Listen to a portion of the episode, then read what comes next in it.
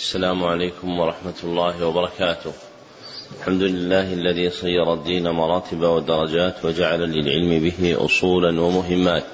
وأشهد أن لا إله إلا الله حقا وأشهد أن محمدا عبده ورسوله صدقا. اللهم صل على محمد وعلى آل محمد كما صليت على إبراهيم وعلى آل إبراهيم إنك حميد مجيد. اللهم بارك على محمد وعلى آل محمد كما باركت على إبراهيم وعلى آل إبراهيم إنك حميد مجيد.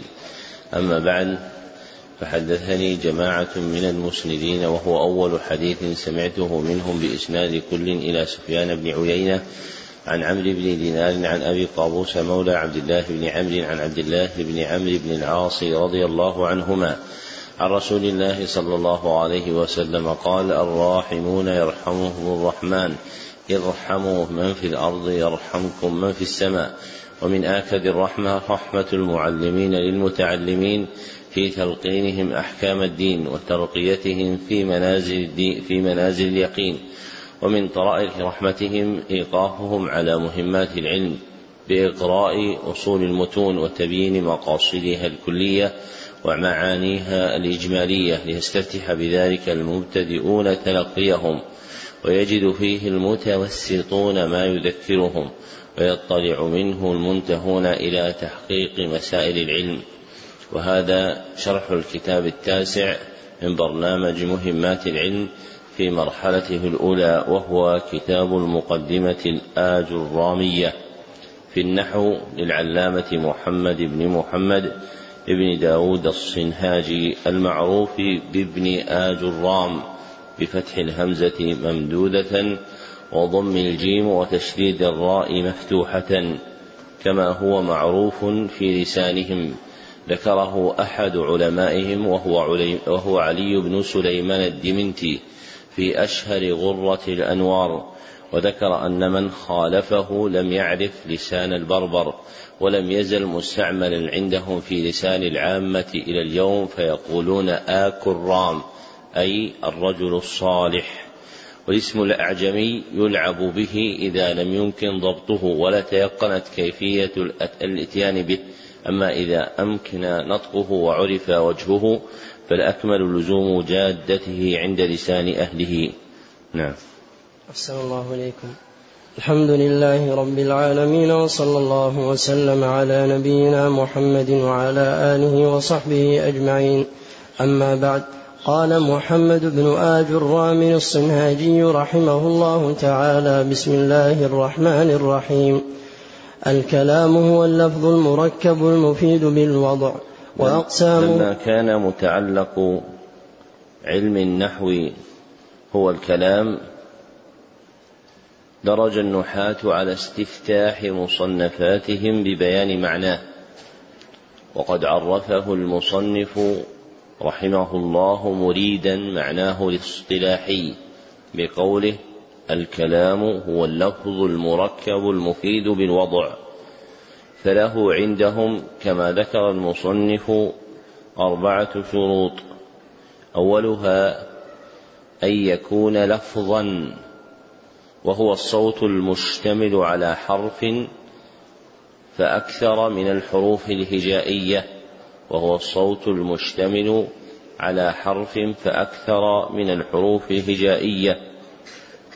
وخصوه بالمستعمل منها الدال على معنى نحو زيد الموضوع للدلالة على علم دون المهمل منها مما لا معنى له نحو ديز وهو مقلوب زيد.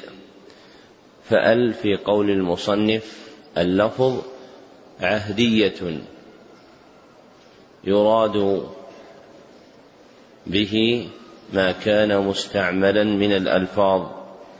دون المهمل واللفظ المستعمل يسمى قولا. وثانيها أن يكون مركبا. والتركيب هو ضم كلمة إلى أخرى فأكثر. هو ضم كلمة إلى أخرى فأكثر.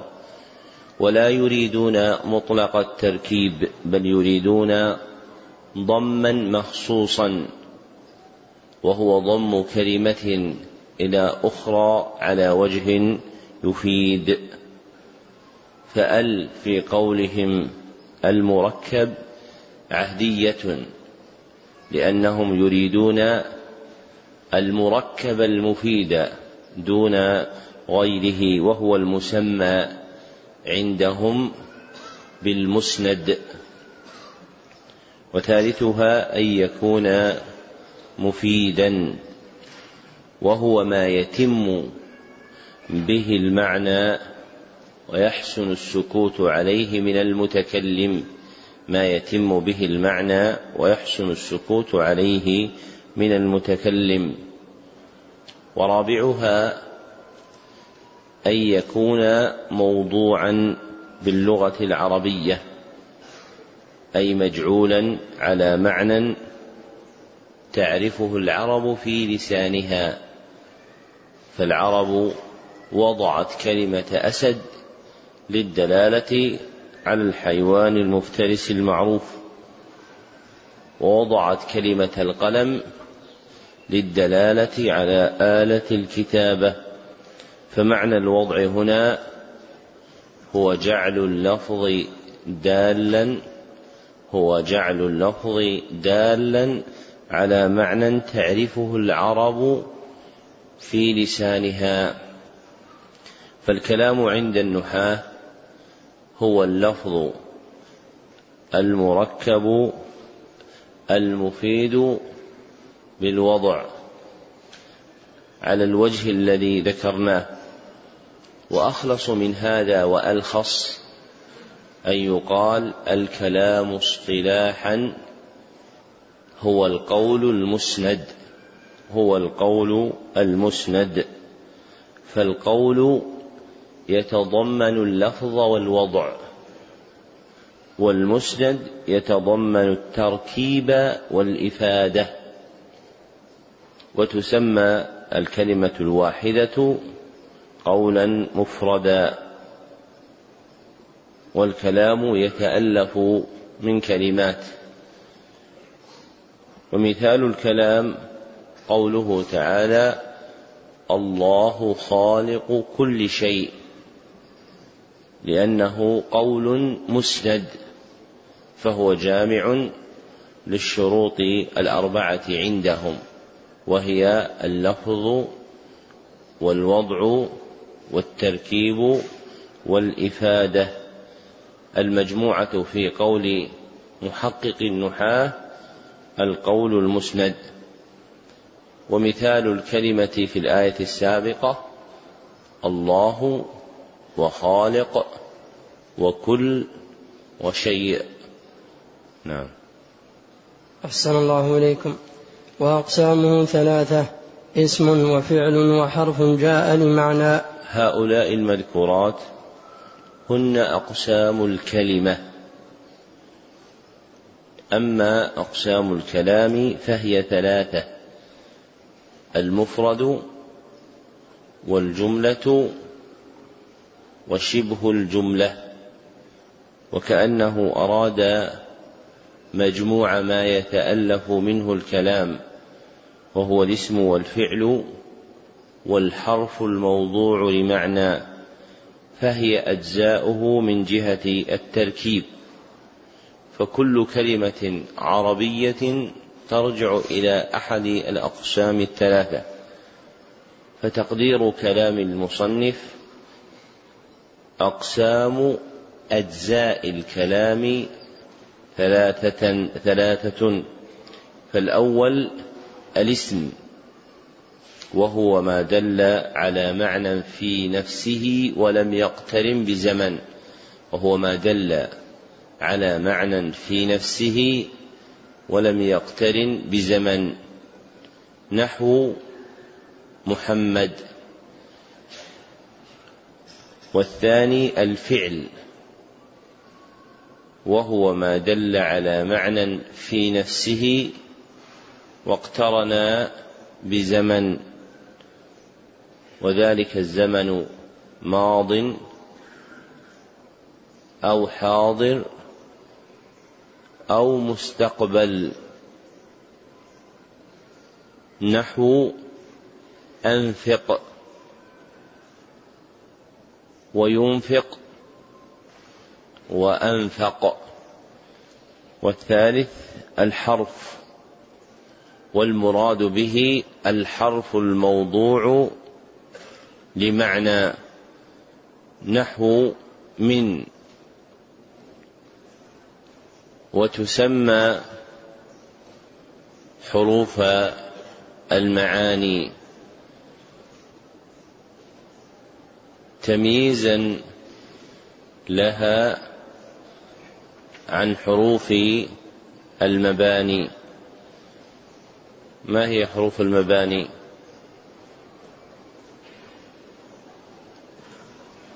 نعم.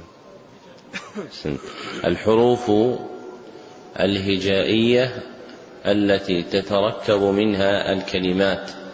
الثالث الحرف والمراد منه الحرف الموضوع لمعنى تمييزا له عن حروف المباني وهي الحروف الهجائية التي تتركب منها الكلمات فالحروف المشهورة في الوضع اللغوي نوعان أحدهما حروف المعاني وهي المجعولة للدلالة على معنى والآخر حروف المباني وهي الحروف الهجائية التي تتركب منها الكلمات. نعم. صلى الله عليكم. فالاسم يعرف بالخفض والتنوين ودخول الألف واللام عليه وحروف الخفض وهي من وإلى وعن وعلى وفي ورب وحتى وحاشا ومذ ومنذ والباء والكاف واللام وحروف القسم وهي الواو والباء والتاء. لما بين المصنف رحمه الله حقيقة الكلام وأقسامه شرع يذكر العلامات التي يتميز بها كل قسم من أقسام الكلمة عن غيره وابتدأ ذلك ببيان علامات الاسم ثم أتبعها بعلامات الفعل ثم ختم بعلامات الحرف. فذكر اولا أربع علامات يتميز بها الاسم عن الفعل والحرف وهي أدلة اسمية الكلمة وهي أدلة اسمية الكلمة. فأولها الخفض وهذه عبارة الكوفيين ويسمى عند البصريين الجر وهو اصطلاحا الكسرة التي يحدثها العامل أو ما ناب عنها الكسرة التي يحدثها العامل أو ما ناب عنها كقولك مررت بالمسجد فالحركة المتعلقة بالدال تسمى خفضا وثانيها التنوين وهو نون ساكنة تلحق آخر الاسم لفظا نون ساكنة تلحق آخر الاسم لفظا وتفارقه خطا ووقفا ويدل عليها بتضعيف الحركة الضمتين والكسرتين والفتحتين. كقولك مررت بمحمد فالكسرتان المحركتان للدال تسمى تنوينا وثالثها دخول ال على الكلمة فتكون أولها كقولك الدرس والقمر فأل التي صدرت بها الكلمتان المذكورتان علامة من علامات الاسم ودليل من أدلة اسمية الكلمة. وأشار المصنف إلى هذه العلامة بقوله ودخول الألف واللام.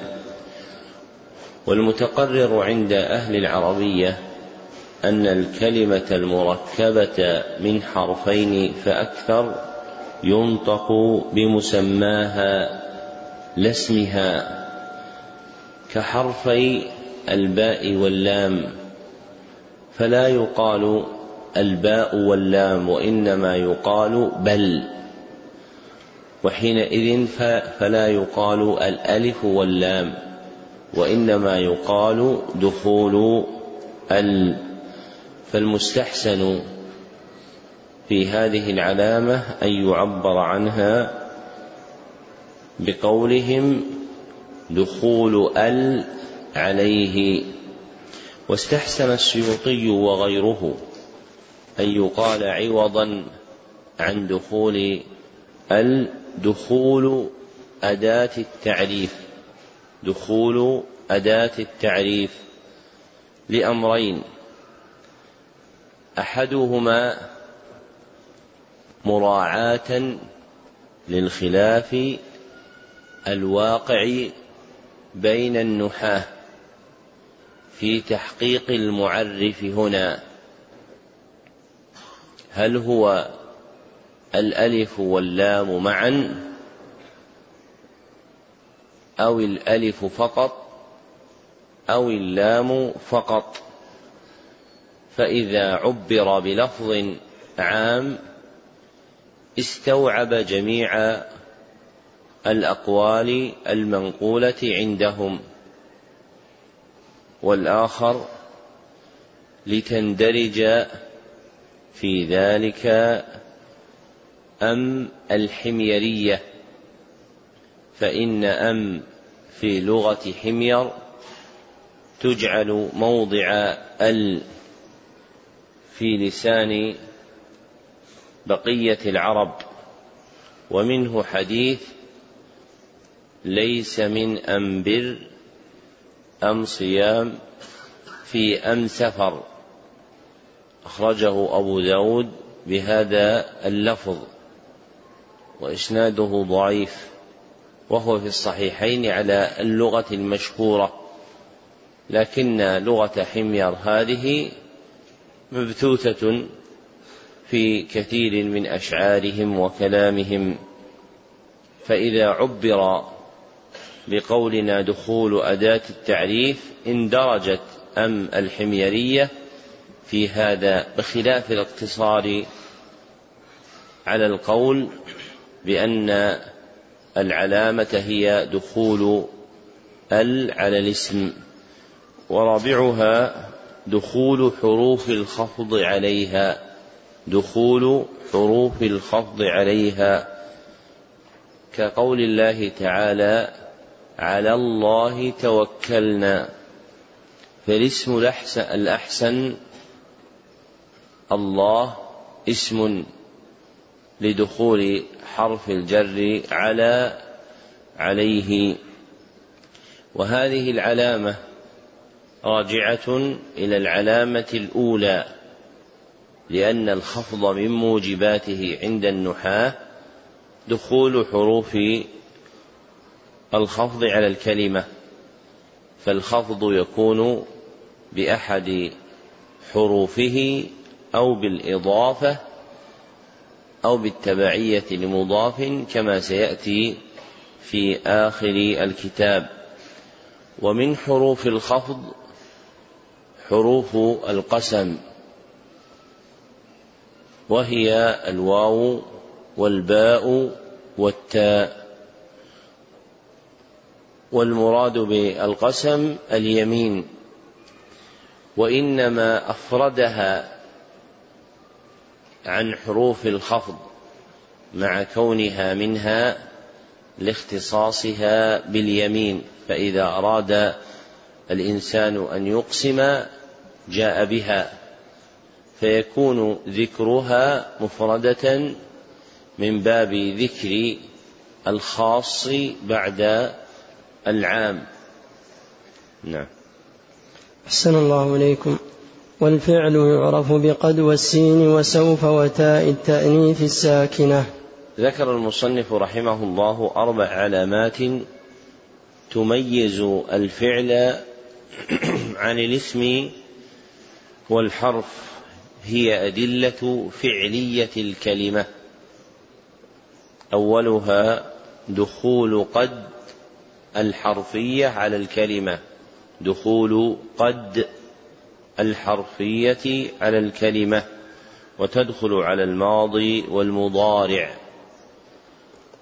كدخولها على أفلح في قول الله تعالى قد أفلح من زكاها ودخولها على يعلم في قوله تعالى قد يعلم الله وتقييد قد بالحرفية احتراز من قد الاسمية احتراز من قد الاسمية التي بمعنى حسب كقولك قد زيد درهم أي حسب زيد درهم.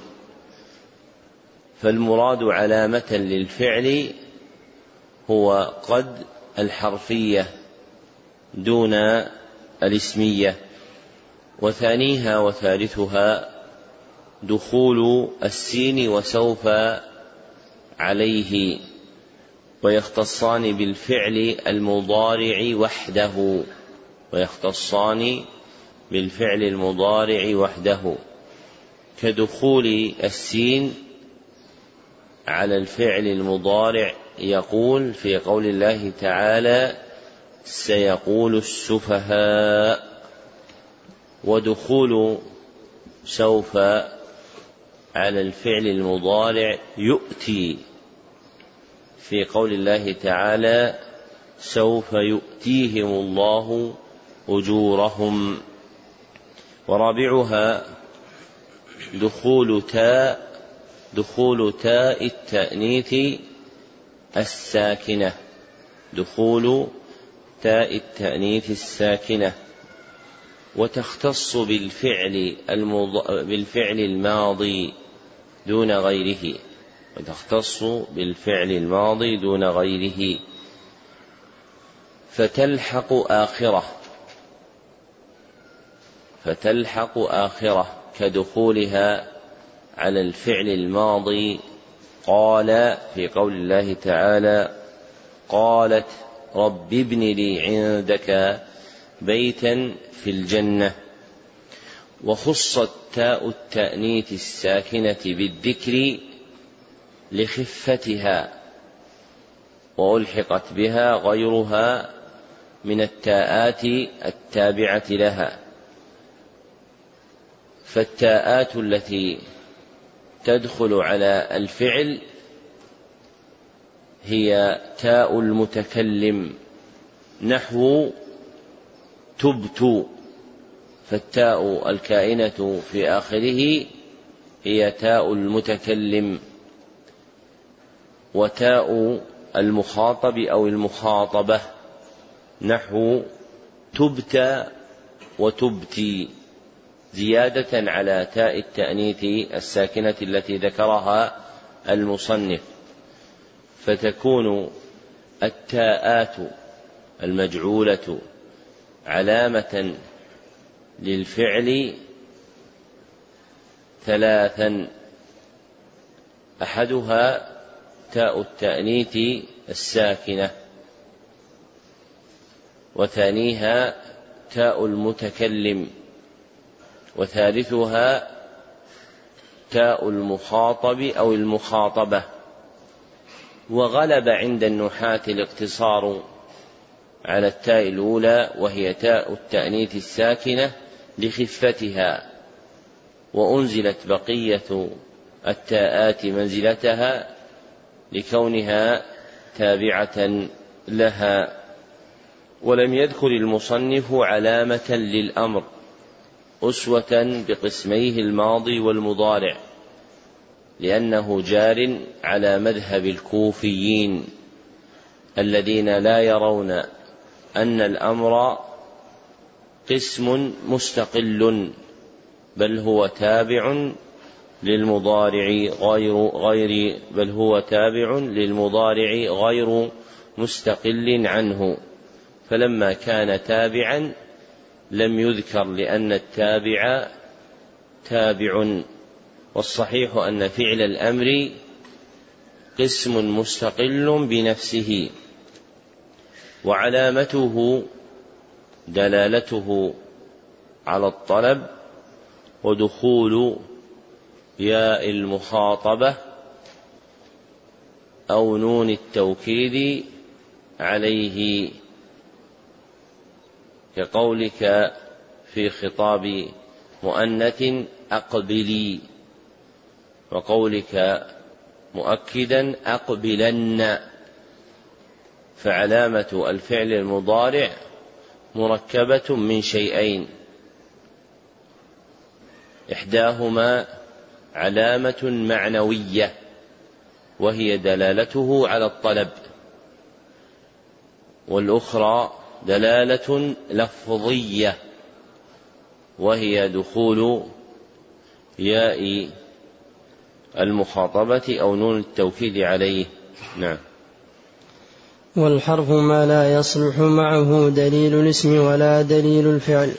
ذكر المصنف رحمه الله علامة واحدة تميز الحرف عن الاسم والفعل وهي دليل حرفية الكلمة.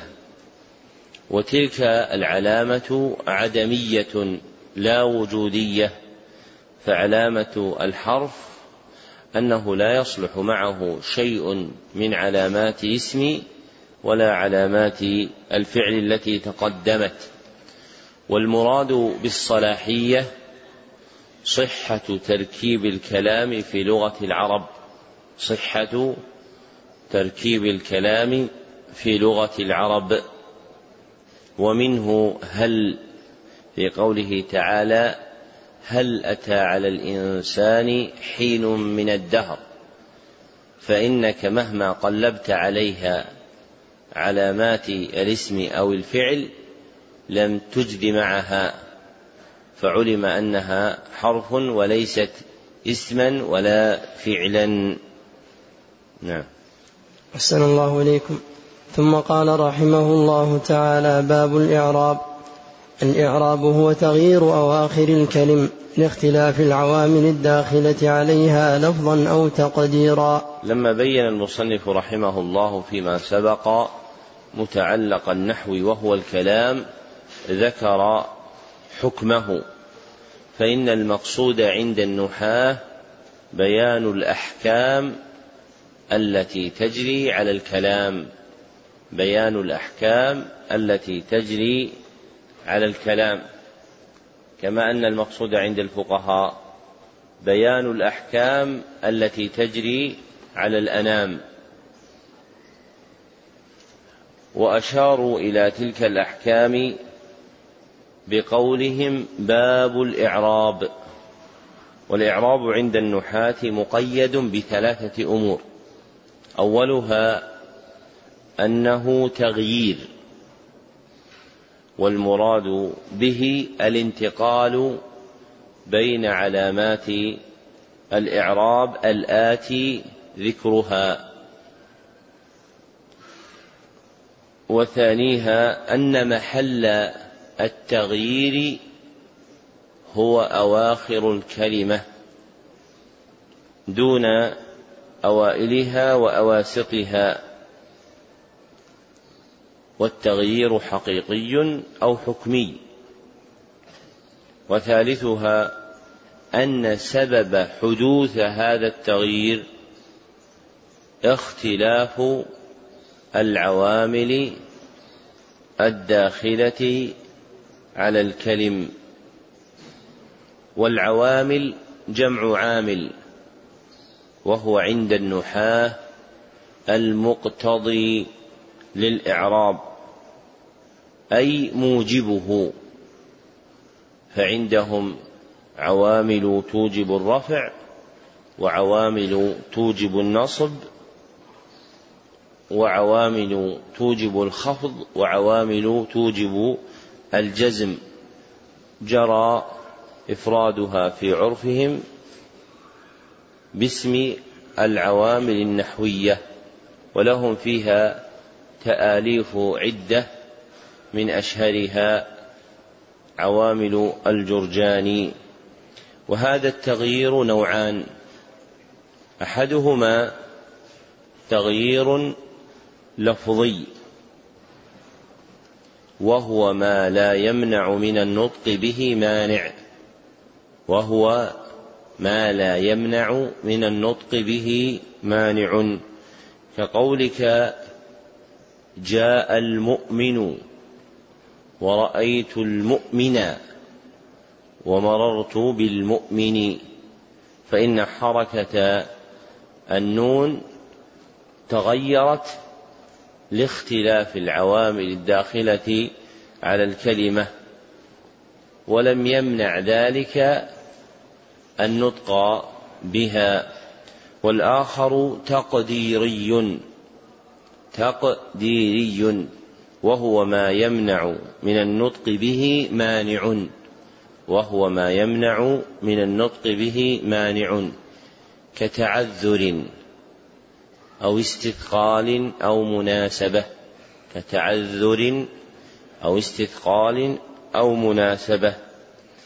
فإن كان آخره ألفا لازمة قدرت عليها جميع الحركات للتعذر فإن كان آخره ألفا لازمة قدرت عليها جميع الحركات للتعذر مثل موسى وإن كان آخره واوا أو ياء لازمة تقدر عليها الضمة والكسرة للثقل وتظهر عليها الفتحة مثل المزكي. وإن كان وإن كانت الكلمة مضافة إلى ياء المتكلم قدرت عليها الحركات لاشتغال المحل بحركة المناسبة مثل غلامي فمثلا إذا قلت جاء موسى فموسى حكمه عند النحاة الرفع ولم تظهر علامته للتعذر. وإذا قلت جاء المزكي فالمزكي اسم مرفوع ولم تظهر علامته للثقل. وإذا قلت جاء غلامي فغلامي اسم مرفوع. ولم تظهر علامته لاشتغال المحل بحركة المناسبة. فإن المناسب للميم الكسر لمجيئها قبل ياء المتكلم. نعم. وأقسامه أربعة رفع ونصب وخفض وجزم. فللأسماء من ذلك الرفع والنصب والخفض ولا جزم فيها. وللأفعال من ذلك الرفع والنصب والجزم ولا خفض فيها. ذكر المصنف رحمه الله أن أقسام الإعراب أربعة. وعدها بقوله رفع ونصب وخفض وجزم. ولكل واحد منها علامات سيذكرها إن شاء الله فيما يستقبل. والرفع اصطلاحا هو تغيير يلحق آخر الاسم. هو تغيير يلحق آخر الاسم. والفعل المضارع الذي لم يتصل بآخره نون الإناث أو نون التوكيد لدخول عامل ما هو تغيير يلحق آخر الاسم أو الفعل المضارع الذي لم يتصل بآخره نون الإناث أو نون التوكيد لدخول عامل ما وعلامته الضمة أو ما ينوب عنها. والنصب اصطلاحا تغيير يلحق آخر الاسم والفعل المضارع الذي لم يتصل بآخره نون الإناث أو نون التوكيد لدخول عامل ما وعلامته الفتحة أو ما ينوب عنها والخفض اصطلاحا هو تغيير يلحق آخر الاسم لدخول عامل ما وتغيير يلحق آخر الاسم لدخول عامل ما وعلامته الكسرة أو ما ينوب عنها والجزم اصطلاحا هو تغيير يلحق آخر الفعل المضارع وتغيير يلحق آخر الفعل المضارع الذي لم يتصل بآخره نون الإناث أو نون التوكيد لدخول عامل ما وعلامته السكون أو ما ينوب عنها. وهذه الأقسام المذكورة على ثلاثة أنواع. الأول مشترك بين الأسماء والأفعال. مشترك بين الأسماء والأفعال وهو الرفع والنصب. والثاني مختص بالأسماء مختص بالأسماء وهو الخفض. فلا تعلق له بالأفعال أبدا ولا يمكن أن يأتي فعل مخفوض ولا يمكن أن يأتي فعل مخفوض. والثالث مختص بالأفعال وهو الجزم فلا تعلق له بالأسماء. ولا يمكن أن يأتي اسم مجزوم. وليس من هذه الأقسام شيء للحروف لأنها مبنية والمبني هو ما لا يتغير آخره مع تغير دخول عامل عليه ما لا يتغير آخره مع دخول عامل عليه بل يلزم حركة مضطردة. نعم. أحسن الله إليكم. قال رحمه الله تعالى باب معرفة علامات الإعراب. للرفع أربع علامات الضمة والواو والألف والنون. فأما الضمة فتكون علامة للرفع في أربعة مواضع. في الاسم المفرد مطلقا وجمع التكسير مطلقا وجمع المؤنث السالم والفعل المضارع الذي لم يتصل بآخره شيء. وأما الواو فتكون علامة للرفع في موضعين في جمع المذكر السالم وفي الأسماء الخمسة وهي أبوك وأخوك وحموك وفوك وذو مال. وأما الألف فتكون علامة للرفع في تثنية الأسماء خاصة. وأما النون فتكون علامة للرفع في الفعل المضارع إذا اتصل به ضمير تثنية أو ضمير جمع أو ضمير المؤنثة المخاطبة.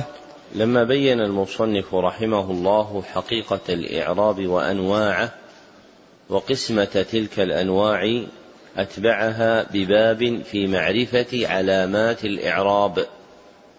ذكر فيه أن لكل قسم من أقسام الإعراب التي تقدمت علامات يتميز بها عن غيره وابتدأ ذلك بالرفع.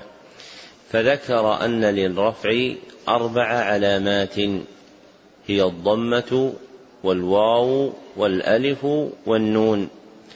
والأصل في علامات الرفع الضمة فهي أم الباب.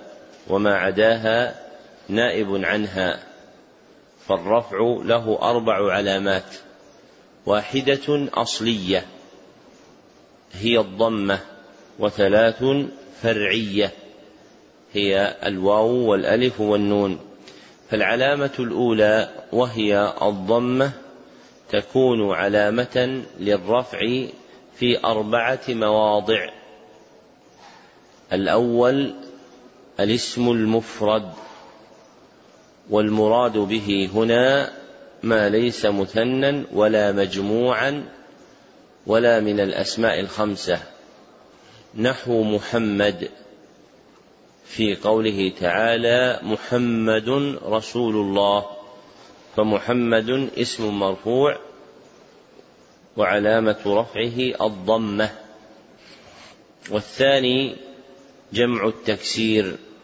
وهو الجمع الذي تكسرت أي تغيرت صورة مفرده نحو رجل فإنك إذا جمعته تغيرت صورته بزيادة الألف بعد الجيم. ومنه قوله تعالى من المؤمنين رجال فرجال اسم مرفوع وعلامة رفعه الضمة لأنه جمع تكسير. وقوله مطلقا المذكور عقب الاسم المفرد والجمع التكسير أي سواء انصرف أو كان ممنوعا من الصرف. والثالث جمع المؤنث السالم. وهو جمع الإناث الذي ختم مفرده بألف وتاء مزيدتين. جمع الإناث الذي ختم مفرده بألف وتاء مزيدتين. أضيف إلى التأنيث لأن مفرده مؤنث وأضيف إلى السلامة لأن المفرد فيه سلم من التغيير. ومنه مؤمنات جمعا لكلمة مؤمنة. مثل قوله تعالى إذا جاءكم المؤمنات فالمؤمنات اسم مرفوع وعلامة رفعه الضمة لأنه جمع مؤنث سالم. والأولى أن يقال في هذا الموضع الجمع الذي ختم بألف وتاء مزيدتين وما ألحق به. الجمع الذي ختم بألف وتاء مزيدتين وما ألحق به. فالهندات مثلا ختمت بألف وتاء مزيدتين وهي جمع مؤنث سالم. لكن الحمامات ختمت بألف وتاء مزيدتين جمعا لحمام وهو مذكر وليس بمؤنث. ومع ذلك فإنه أعرب في جملة هذه الحمامات بأنه اسم مرفوع وعلامة رفعه الضمة لأنه جمع ختم بألف وتاء مزيدتين فيكون أعم من الاقتصار على ذكر التأنيث. وقولنا ما ألحق به أي ما جعل له حكمه وإن لم يكن جمعا مثل عرفات. فإن عرفات كلمة لا تدل على جمع بل هي مفرد دالة على الموضع المعروف قريبا من مكة لكن تجري عليها أحكام هذا الجمع. والرابع الفعل المضارع الذي لم يتصل بآخره شيء من لواحقه الفعل المضارع الذي لم يتصل به شيء من لواحقه مثل يغفر في قول الله تعالى فيغفر لمن يشاء. فيغفر فعل مضارع مرفوع وعلامة رفعه الضمة لأنه لم يتصل به شيء من لواحقه. وشرطه ألا يتقدم عليه ناصب ولا جازم كما سيأتي. ولواحق المضارع هي نون الإناث ونون التوكيد المخففة أو الثقيلة وألف الاثنين وألف الاثنين وواو الجماعة وياء المخاطبة.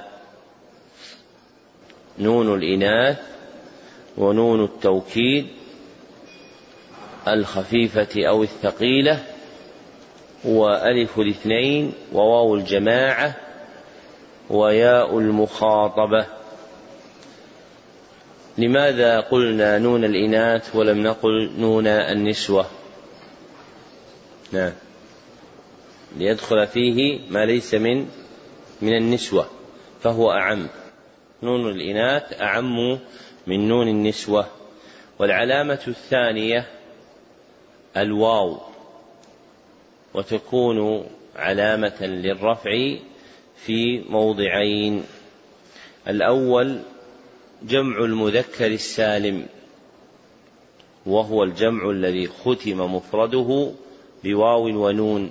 الجمع الذي ختم مفرده بواو ونون أو ياء ونون وما ألحق به. أضيف إلى التذكير لأن مفرده مذكر.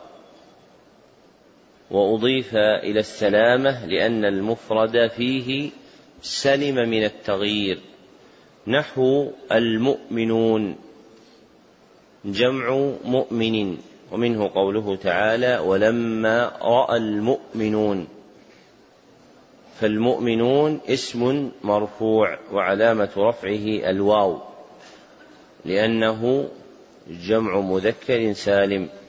والثاني الأسماء الخمسة وهي أبوك وأخوك وحموك وفوك وذو مال.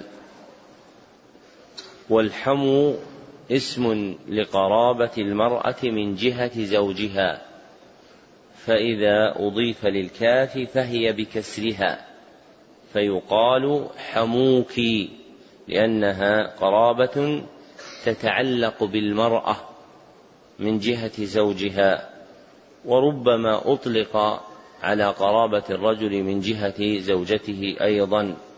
فيسوغ فتح الكاف حموك لكن الأشهر أنه بكسرها حموك لأنه موضوع في اللغة الأشهر لقرابة المرأة الآتية لها من قبل زوجها فتكون الإضافة إليها. وذو هو خامسها. ولا تختص بالإضافة للمال كما فعل المصنف فقال وذو مال. ولو أضافها للعلم فقال ذو علم لكان أشرف وأليق بالمحل فإن المقام مقام تعليم علم. وزاد بعضهم هنوك وهي كلمة يكنى بها عما يستقبح والأشهر فيه إعرابه بالحركات. أما إعرابه بالحروف فلغة قليلة ولهذا أهمله المصنف وجرى عليه المصنفون في المختصرات. فالمجمع عليه هو ما ذكر آنفا دون هنوك فإنها لا تعرب بالحروف إلا في لغة قليلة. وهذه الأسماء الخمسة ترفع بالواو.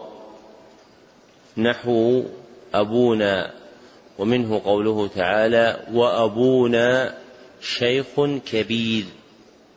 فأبونا اسم مرفوع وعلامة رفعه الواو لأنه من الأسماء الخمسة. والعلامة الثالثة الألف وتكون علامة للرفع في موضع واحد فقط وهو تثنية الأسماء خاصة تثنية الأسماء خاصة والمثنى هو الاسم الدال على اثنين هو الاسم الدال على اثنين. ويلحق آخره ألف ونون ويلحق آخر مفرده ألف ونون أو ياء ونون. نحو رجلان مثنى رجل ومنه قوله تعالى قال رجلان. فرجلان اسم مرفوع وعلامة رفعه الألف لأنه من ال... لأنه مثنى. والعلامة الرابعة هي النون وتكون علامة للرفع في موضع واحد فقط وهو الفعل المضارع الذي اتصل به ضمير تثنية الفعل المضارع الذي اتصل به ضمير تثنية أو ضمير جمع أو ضمير المؤنثة المخاطبة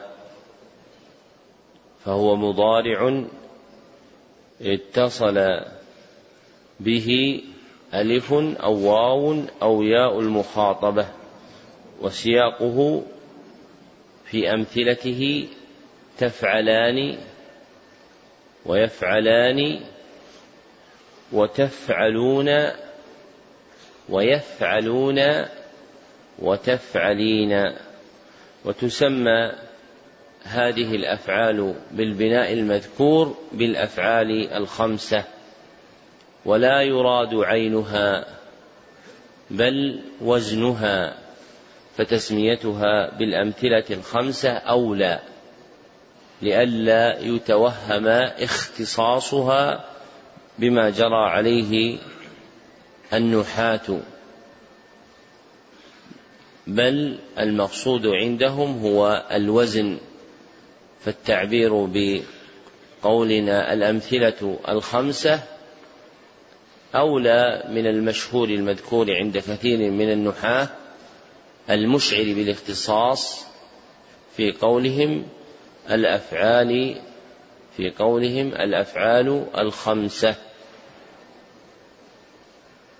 وذهب جماعة من محققي النحاة كابن هشام والأزهري في التصريح إلى أنها أمثلة ستة. لأن تفعلان الذي أوله تاء يأتي للمذكر والمؤنث فتكون باعتبار رسمها خمسة لكن باعتبار حقيقتها ستة لكون تفعلان الذي أوله تاء يجيء للمذكر والمؤنث فتقول في حق رجلين تحفظان العلم وتقول في حق امرأتين تحفظان للعلم فهو صالح للمذكر وللمؤنث. وهذه الأفعال كما ذكر المصنف ترفع بالنون ويعبر عنه أيضا بثبوت النون ومنه تعلمون في قول الله تعالى والله خبير بما تعملون. فتعملون فعل مضارع مرفوع وعلامة رفعه ثبوت النون لأنه من إيش؟ الأمثلة الستة. نعم. أحسن الله إليكم. قال رحمه الله تعالى وللنصب خمس علامات الفتحة والألف والكسرة والياء وحذف النون. فأما الفتحة فتكون علامة للنصب في ثلاثة مواضع في الاسم المفرد وجمع التكسير والفعل المضارع إذا دخل عليه ناصب ولم يتصل بآخره شيء. وأما الألف فتكون علامة للنصب في الأسماء الخمسة نحو رأيت أباك وأخاك وما أشبه ذلك. وأما الكسرة فتكون علامة للنصب في جمع المؤنث السالم. وأما الياء فيكون علامة للنصب في التثنية والجمع. وأما حذف النون فيكون علامة للنصب في الأفعال التي رفعها بثبات النون. وللخفض ثلاث علامات فرغ المصنف رحمه الله من علامات القسم الأول من أقسام علامات الإعراب وهو الرفع أتبعه بعلامات القسم الثاني وهو النصب. فذكر أن للنصب خمس علامات هي الفتحة والألف والكسرة والياء وحذف النون. والأصل في علامات النصب الفتحة. فهي أم الباب وما عداها نائب عنها. فللنصب خمس علامات. واحدة أصلية وهي الفتحة. وأربع فرعية وهي الألف والكسرة والياء وحذف النون.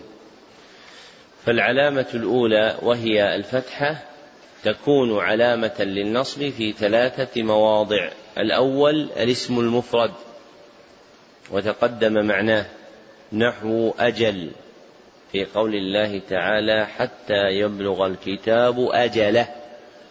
فأجل اسم منصوب وعلامة نصبه الفتحة. والثاني جمع التكسير وتقدم معناه نحو القواعد في قول الله تعالى وإذ يرفع إبراهيم القواعد من البيت فالقواعد اسم منصوب وعلامة نصبه الفتحة لأنه جمع تكسير والثالث الفعل المضارع إذا دخل عليه ناصب ولم يتصل بآخره شيء من لواحقه والمراد بالناصب عوامل النصب وهي حروفه. وعدتها عشرة سيذكرها المصنف في باب الأفعال.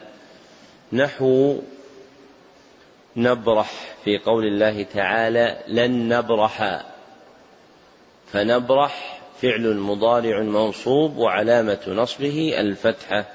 والعلامة الثانية وهي الألف تكون علامة للنصب في موضع واحد في الأسماء الخمسة.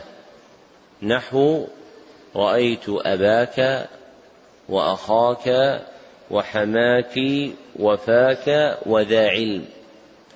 فأبى وحمى وأخا وفا وذا أسماء منصوبة وعلامة نصبها الفتحة نيابة عن الألف لأنها من الأسماء الخمسة. والعلامة الثالثة وهي الكسرة. تكون علامة للنصب في موضع واحد.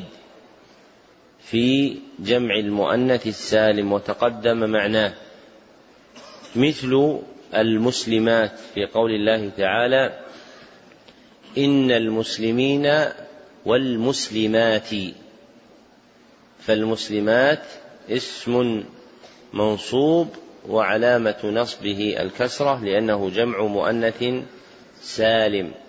وسبق أن الأوفق في هذا المحل أن لا يقال جمع مؤنث سالم وإنما يقال الجمع المختوم بألف وتاء مزيدتين وما ألحق به. الجمع المختوم بألف وتاء مزيدتين وما ألحق به. لماذا عدل عن المشهور في قولهم جمع مؤنث سالم إلى القول بأنه الجمع الذي ختم بألف وتاء مزيدتين وما ألحق به؟ ما الجواب؟ نعم أنت؟ نعم إيش؟ أحسنت. ليدخل فيه ما لم يكن ما, ما كان ما لم يكن من الإناث وجمع على هذه الصورة مثل الحمامات. فإن الحمامات جمع حمام وهو مذكر. ويلحق به أيضا ما كان على صورته ولو لم يكن جمعا مثل مثل عرفات. والعلامة الرابعة وهي الياء تكون علامة للنصب في موضعين. الأول التثنية.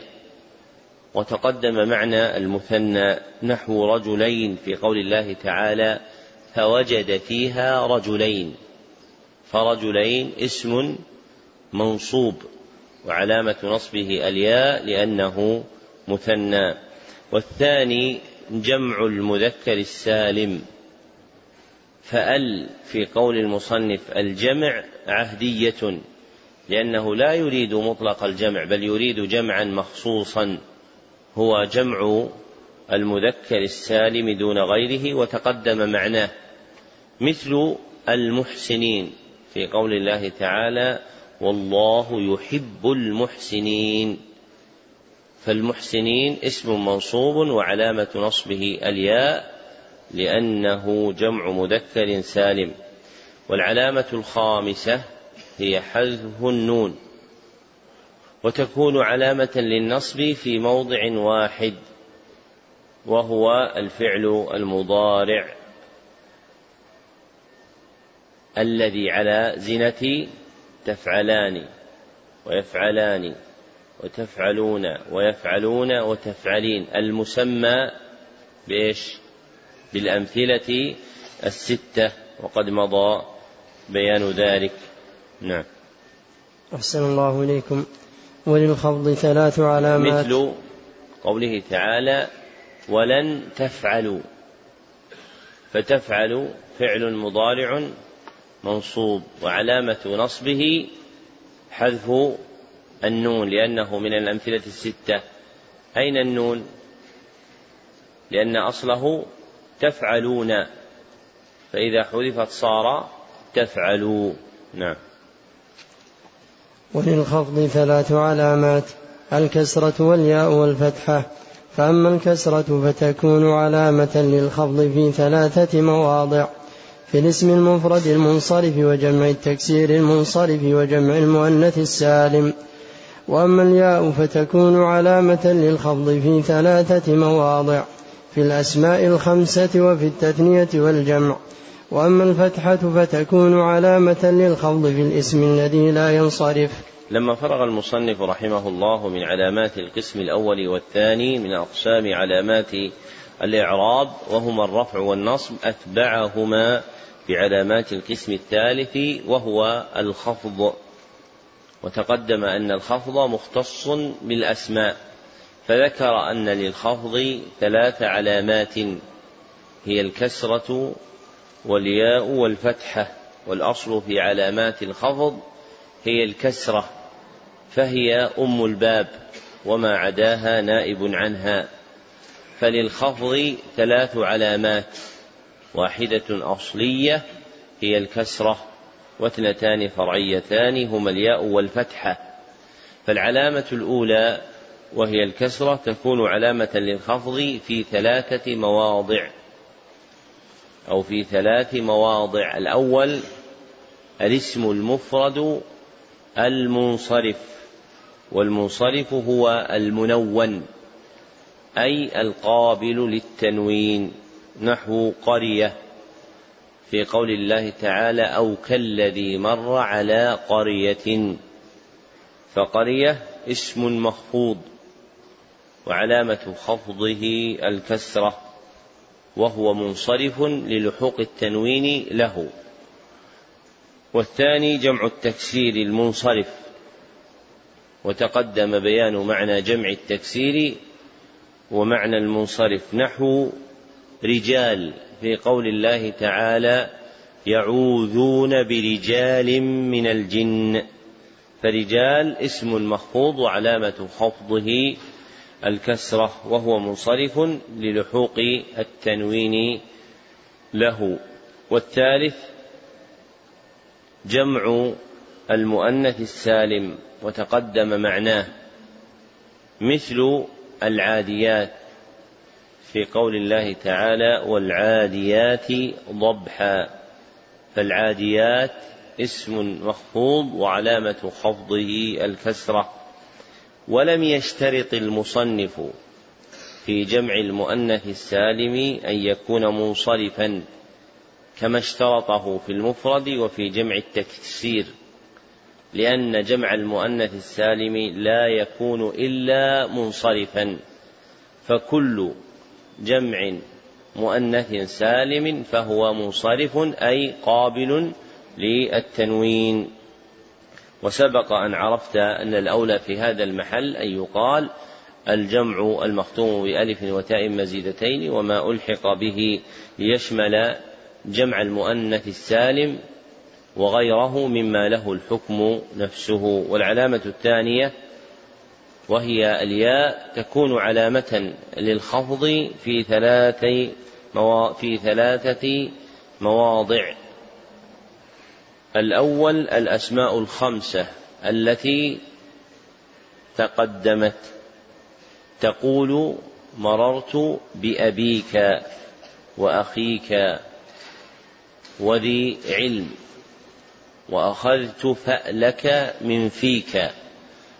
وتقول للمرأة تستري من حميك فأبي وأخي وذي وفي وحمي أسماء مخفوضة وعلامة خفضها الياء لأنها من الأسماء الخمسة.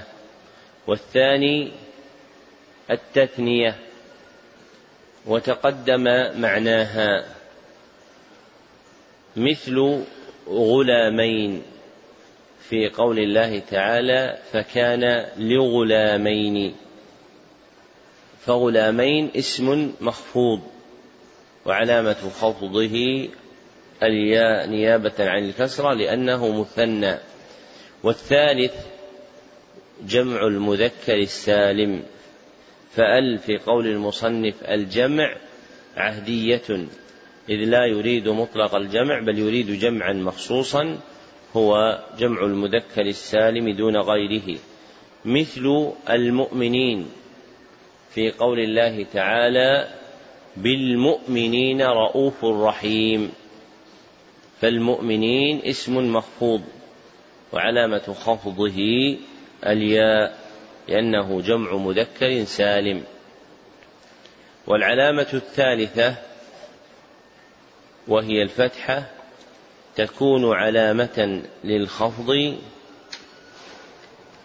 في الاسم الذي لا ينصرف وهو الاسم وهو الاسم الذي لا يدخله التنوين. والأصل في الأسماء أن تكون مصروفة أي منونة. فإذا وجد مانع من موانع الصرف لم تنون. مثل قولك تمسك بسنة أحمد فأحمد اسم مخفوض وعلامة خفضه الكسرة لأنه ممنوع من الصرف. فالممنوع من الصرف يخفض بالفتحة عوض الكسرة. فمثلا مساجد كلمة ممنوعة من الصرف لأنها على صيغة منتهى الجموع مفاعل فتقول مررت بمساجد كثيرة فمساجد اسم مخفوض وعلامة خفضه الفتحة لأنه ممنوع من الصرف. وإذا أضفت الممنوع من الصرف رحمك الله. وإذا أضفت الممنوع من الصرف أو حليته بأل رجع إلى خفضه بالكسرة. وموانع الصرف تنظر في المطولات. نعم. أحسن الله إليكم. وللجزم علامتان السكون والحذف. فأما السكون فيكون علامة للجزم في الفعل المضارع الصحيح الآخر. وأما الحذف فيكون علامة للجزم في الفعل المضارع المعتل الآخر. وفي الأفعال التي رفعها بثبات النون.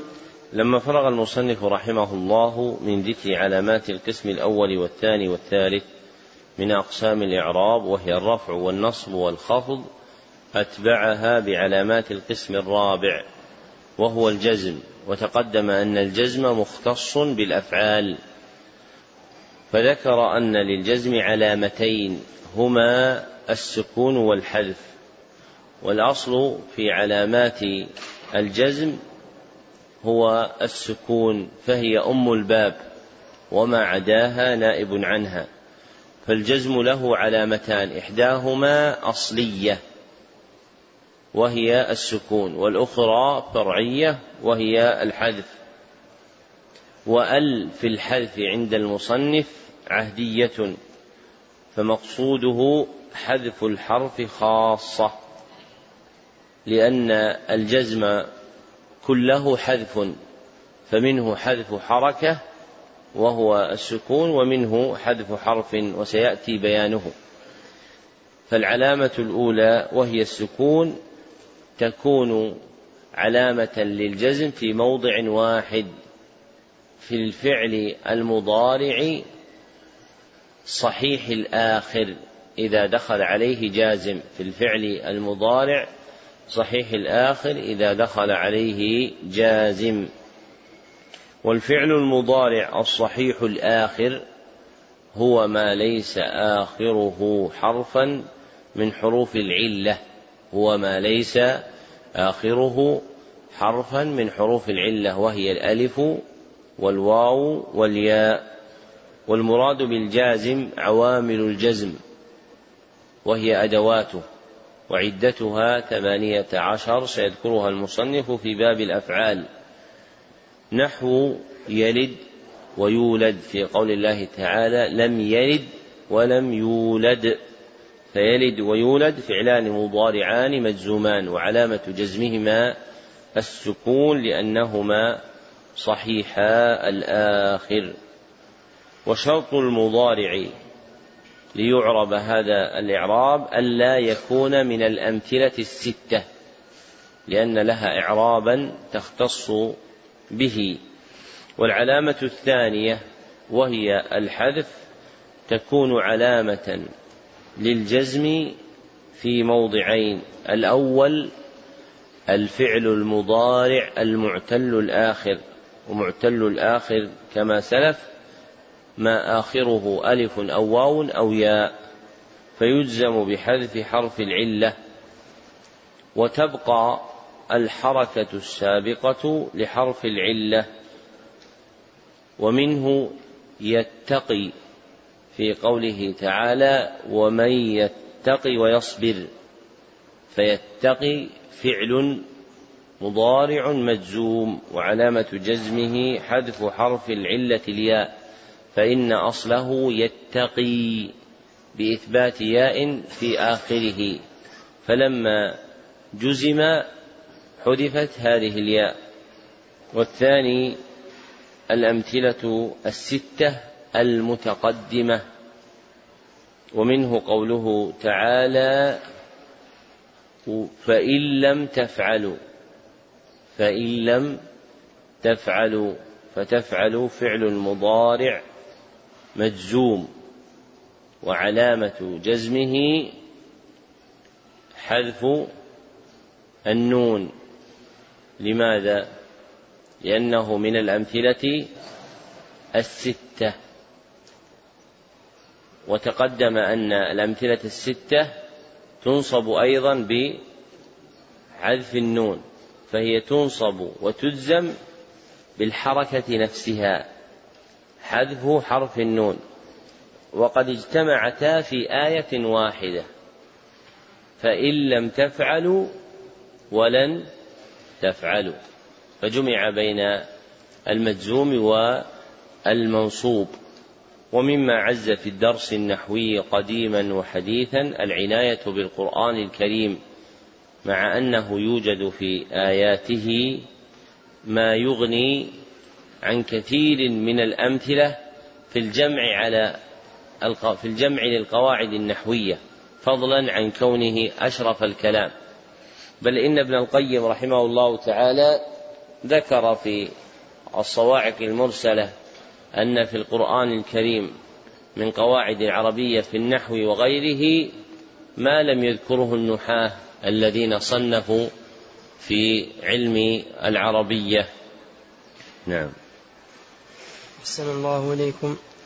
فصل المعربات قسمان. قسم يعرب بالحركات وقسم يعرب بالحروف.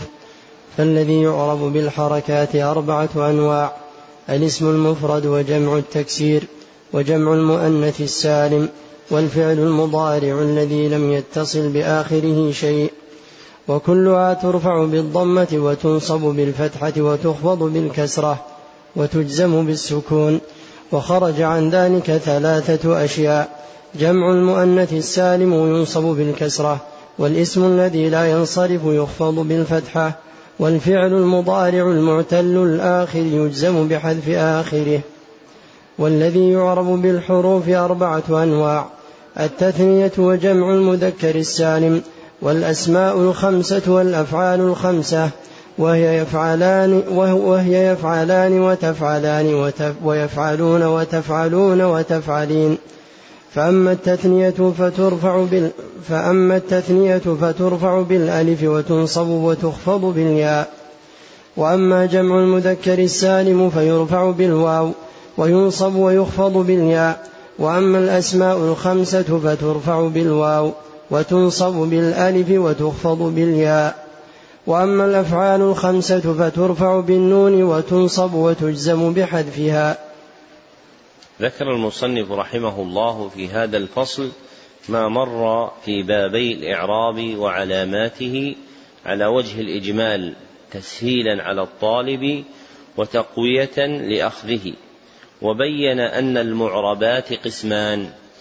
أحدهما ما يعرب بالحركات وهي الضمة والفتحة والكسرة والسكون والآخر ما يعرب بالحروف وهي الواو والألف والياء والنون والحذف والسكون حركة. وليست عدما لأن العدم إنما هو وقف الكلمة عن الحكم قبل دخول عوامل الإعراب. فالكلمات قبل دخول عوامل الإعراب عليها موقوفة أي لا يحكم عليها بشيء. أما بعد دخول علامات أما بعد دخول عوامل الإعراب فيحكم عليها بإعرابها فتكون مرفوعة أو منصوبة أو مخفوضة أو مجزومة. فالسكون حركة لكن هذه الحركة علامتها علامة الوقف وهي السكون. فالكلمات حال وقفها قبل جريان الأحكام النحوية عليها تكون ساكنة. فعلامة وقفها عن الحكم السكون. ويكون السكون كذلك أحد العلامات التي تجري عليها. رحمك الله. وتكون السكون بعد دخول عوامل الإعراب عليها إحدى الحركات التي يحكم بها التي يحكم بها عليها. وحذف النون حرف حكما لأنه كان هناك حرف حقيقة وهو النون.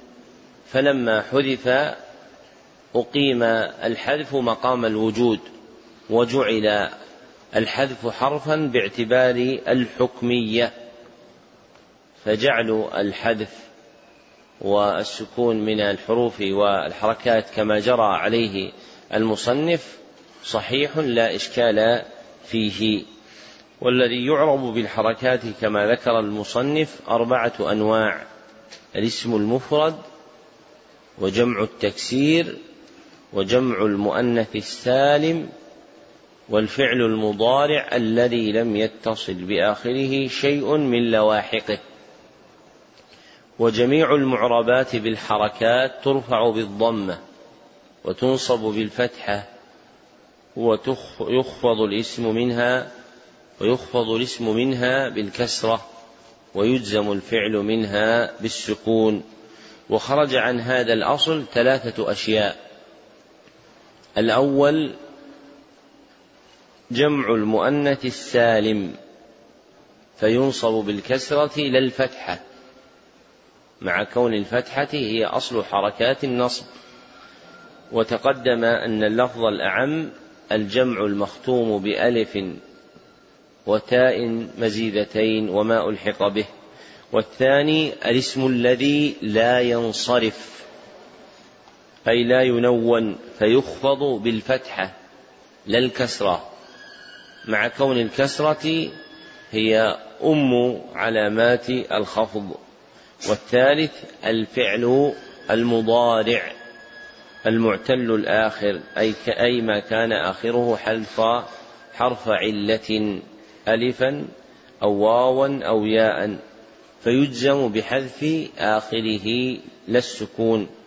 والذي يعرب بالحروف أربعة أنواع التثنية وجمع المذكر السالم والأسماء الخمسة والأمثلة الستة. فأما التثنية فترفع بالألف وتنصب وتخفض بالياء. وأما جمع المذكر السالم فيرفع بالواو وينصب ويخفض بالياء. وأما الأسماء الخمسة فترفع بالواو وتنصب بالألف وتخفض بالياء. وأما الأمثلة الستة فترفع بثبوت النون. وتنصب وتجزم بحذف النون. نعم. أحسن الله إليكم. باب الأفعال. الأفعال ثلاثة ماض ومضارع وأمر. نحو ضرب يضرب اضرب. ذكر المصنف رحمه الله في صدر هذا الباب قسمة الأفعال وسبق أن عرفت أن الفعل اصطلاحا هو ما دل على معنى في نفسه واقترن بزمن. هو ما دل على معنى في نفسه واقترن بزمن. ماض أو حاضر أو مستقبل فهو ثلاثة أقسام. أولها الفعل الماضي وهو ما دل على حصول شيء قبل زمن التكلم. ما دل على حصول شيء قبل زمن التكلم. نحو أضاعوا. في قول الله تعالى أضاعوا الصلاة. والقسم الثاني الفعل المضارع. وهو ما دل على حصول شيء في زمن التكلم. وهو الحاضر أو بعده. وهو المستقبل ما دل على حدوث شيء في زمن التكلم أو بعده. والمقصود بزمن التكلم الحاضر وبما بعده المستقبل دون طلبه. ومنه يحافظون في قول الله تعالى والذين هم على صلاتهم يحافظون والقسم الثالث فعل الأمر وهو ما دل على حصول شيء بعد زمن التكلم. ما دل على حصول شيء بعد زمن التكلم. مع طلبه نحو أقم في قول الله تعالى أقم الصلاة. ويلاحظ بهذا أن بين المضارع والأمر اشتراكا في أحد زمني المضارع وهو المستقبل. متى المستقبل؟ بعد زمن التكلم. طيب كيف يميز بينهما؟ يفرق بينهما بأن الأمر يتضمن دلالة الطلب. وهذه الدلالة معنوية أم لفظية؟ معنوية. معنوية يعني يطلب منه حصول الفعل في المعنى. والمعاني مؤثرة في الأحكام النحوية. المعاني مؤثرة في الأحكام النحوية. وإن كان أكثر المؤثر في الأحكام النحوية هي العوامل اللفظية. أما العوامل المعنوية فتأثيرها في النحو ليس كتأثير العوامل اللفظية. ومن أدق العوامل المعنوية عندهم النية.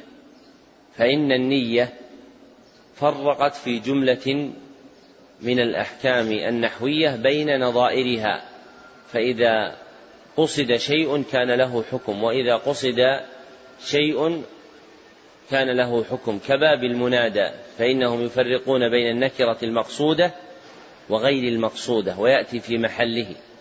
ومن لطائف السيوطي رحمه الله تعالى أنه صدر كتابه الأشباه والنظائر النحوية بمسألة في بيان تأثير النية في جملة من الأحكام المقررة عند النحاة وهذا يدل على شرف النية وعظمتها. نعم. أحسن الله إليكم. فالماضي مفتوح الآخر أبدا والأمر مجزوم أبدا والمضارع ما كان في أوله إحدى الزوائد الأربع التي يجمعها قولك أنيت وهو مرفوع أبدا. حتى يدخل عليه ناصب أو جازم. لما بين المصنف رحمه الله أقسام الأفعال أوضح أحكامها. فالماضي مفتوح الآخر أبدا أي مبني على الفتح دائما. إما لفظا نحو حفظ أو تقديرا نحو دعا وقالوا وسمعنا فإنه يقدر على الفعل إذا كان آخره ألفا أو متصلا بواو الجماعة أو ضمير الرفع المتحرك. يقدر على الفعل إذا كان آخره ألفا أو متصلا بواو الجماعة أو ضمير الرفع المتحرك. أما فعل الأمر فمبني على السكون دائما. مبني على السكون دائما. وعبارة المصنف والأمر مجزوم أبدا توافق مذهب الكوفيين الذين يرون أن الأمر معرب مجزوم لا مبني لأنه عندهم تابع. ليش؟ تابع للمضارع المعرب. فالأمر مبني على السكون دائما. إما لفظا كقولك احفظ أو تقديرا كما في أقبلن واسعى وافهما فإنه يقدر على الفعل إذا اتصلت به نون التوكيد أو كان مضارعه معتل الآخر أو من الأمثلة الستة. ويبنى في الثاني وهو إذا كان مضارعه معتل الآخر على حذف حرف العلة. ويبنى في الثالث وهو إذا كان من الأمثلة الستة على حذف النون. ويعلم بهذا أن الماضي والأمر حكمهما البناء دائما فهما مبنيان. وأما الفعل المضارع فهو الذي يدخله الإعراب كما سبق فالفعل المضارع حكمه الإعراب وهو مرفوع ابدا حتى يدخل عليه ناصب أو جازم. والمراد بالناصب والجازم عوامل النصب والجزم. وقول المصنف والمضارع ما كان في أوله إحدى الزوائد الأربع التي يجمعها قولك أنيت. هو حشو في أثناء بيان أحكام الأفعال وكان حقه التقديم لأنه من علامات المضارع. فهذه الحروف هي التي يعرف بها كون الفعل مضارعا إذا دخلت في تركيبه. ومعنى أنيت أي أدركت الأمر. معنى أنيت أدركت الأمر. ومن اللطائف أن بعض النحاة يجمعها فيقول أنيت. وبعضهم يجمعها فيقول نأيت. نأيت يعني ابتعدت والجمع ليس الجمع للضوابط ليس مجازفة بل ينبغي أن يكون على نحو أنيق. وهذا يلاحظه من كمل علمه لأنه إذا كان على نحو أنيق استقر أكثر. أما إذا كان كيفما اتفق فإنه ربما عسر أو ضاع. ومن أمثلة الجمع الأنيق لأن العلم من أهم ما يدرك به الحواصر. والمراد بالحواصر هو ما يجمع به العلم إما في كلمة أو جملة أو بيت شعر. ما يجمع به العلم في كلمة أو جملة أو بيت شعر. مثال الكلمة مكة. فمكة تجمع الحروف الأولى من الثلاثة الذين خلفوا. فالميم لمرارة ابن الربيع والكاف لكعب ابن مالك. والهاء لهلال ابن أمية رضي الله عنهم. فكلمة مكة تجمع أسماء الثلاثة الذين خلفوا خلفوا مشيرا إليها. هذا الجمع بكلمة ومنه الجمع بجملة مثل حروف القلقلة عند القراء يجمعها قطب جد. فهذه جملة جمعت حروف القلقلة. وفوق ذلك إذا كان الجمع في بيت من, من الشعر. ومثله كثيرة في المنظومات العلمية. فتجد مثلا في التحفة تحفة الأطفال جاء ببيت من أحسن الشعر. جمع فيه حروف الإخفاء. وهو قوله صف ذا ثنى كم جاد شخص قد سما دم طيبا زد في تقى ضع ظالما. فجمع في أوائل الكلمات حروف الإخفاء. وطالب العلم ينبغي له أن يعتني بالحواصل الشعرية خاصة التي خارج المنظومات العلمية لأن الوقوف عليها في المنظومات العلمية سهل. لكن الذي يندر ويشق وجدانه إذا فقد إذا اتفق لك أثناء قراءتك وقوفك على معنى من المعاني التي نظمها أهل أحد أهل العلم فأشار إلى جمعه لها فقال وقد أشرت إلى ذلك بقولي كذا وكذا وذكر بيتا أو بيتين فهذه الحواصر حقيقة بالجمع والإفراد. وللشيخ عبد السلام بن برجس رحمه الله كتاب نافع اسمه الصفحات الناظرة في الأبيات الحاصرة. الصفحات الناظرة في الأبيات الحاصرة. جمع فيه كثيرا من الأبيات التي تجمع بعض مسائل العلم. نعم. أحسن الله إليكم.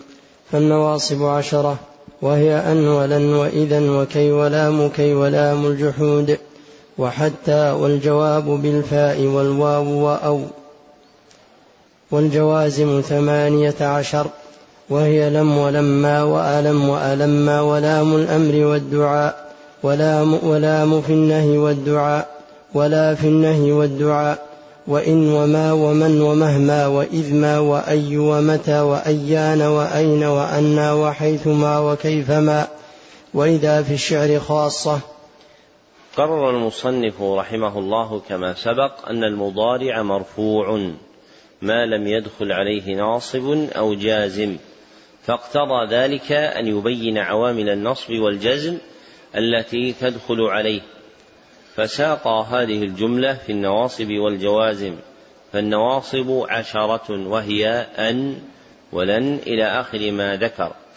ولام كي تسمى عند النحاة لام التعليل وأضيفت إلى كي لأنها تخلفها في إفادة التعليل لأنها تخلفها في إفادة التعليل فتعوض عنها كي عند الحذف فتنزل تنزل منزلتها وقد تكون للعاقبة زيادة على ذلك. والمراد بلام الجحود لام النفي وضابطها أن تسبق بما كان أو لم يكن وضابطها أن تسبق بما كان أو لم يكن. وقوله والجواب بالفاء أو والواو أراد الفاء والواو الواقعتين في أول الجواب. ففي ظاهر عبارته قلب فالناصبتان هما الواو والفاء الواقعتان في أول الجواب. ويشترط في الواو في الفاء أن تكون للسببية وفي الواو أن تكون للمعية. يشترط في الفاء أن تكون للسببية يعني بمعنى التسبيب. ويشترط في الواو أن تكون للمعية. وإنما يكون المضارع في الجواب منصوبا بها إذا جاء بعد نفي أو طلب والطلب ثمانية أشياء هي الأمر والنهي والدعاء والاستفهام والعرض والحظ والتمني والرجاء. ويشترط في أو الناصبة أن تكون بمعنى إلا أو أن تكون بمعنى إلى. أما الجوازم فثمانية عشر وهي لم ولما إلى آخره وهي على قسمين القسم الأول ما يجزم فعلا واحدا وهي لم ولما وألم وألما ولام الطلب ولا التي للطلب والطلب يجمع الأمر والنهي والدعاء والطلب يجمع الأمر والنهي والدعاء. والقسم الثاني ما يجزم فعلين وهي بقية الجوازم. ويسمى الأول فعل الشرط ويسمى الثاني جواب الشرط أو جزاؤه. وقوله إذا في الشعر خاصة أي ضرورة لا اختيارا في الشعر دون النثر ومنع البصريون الجزم بها وهو الصحيح.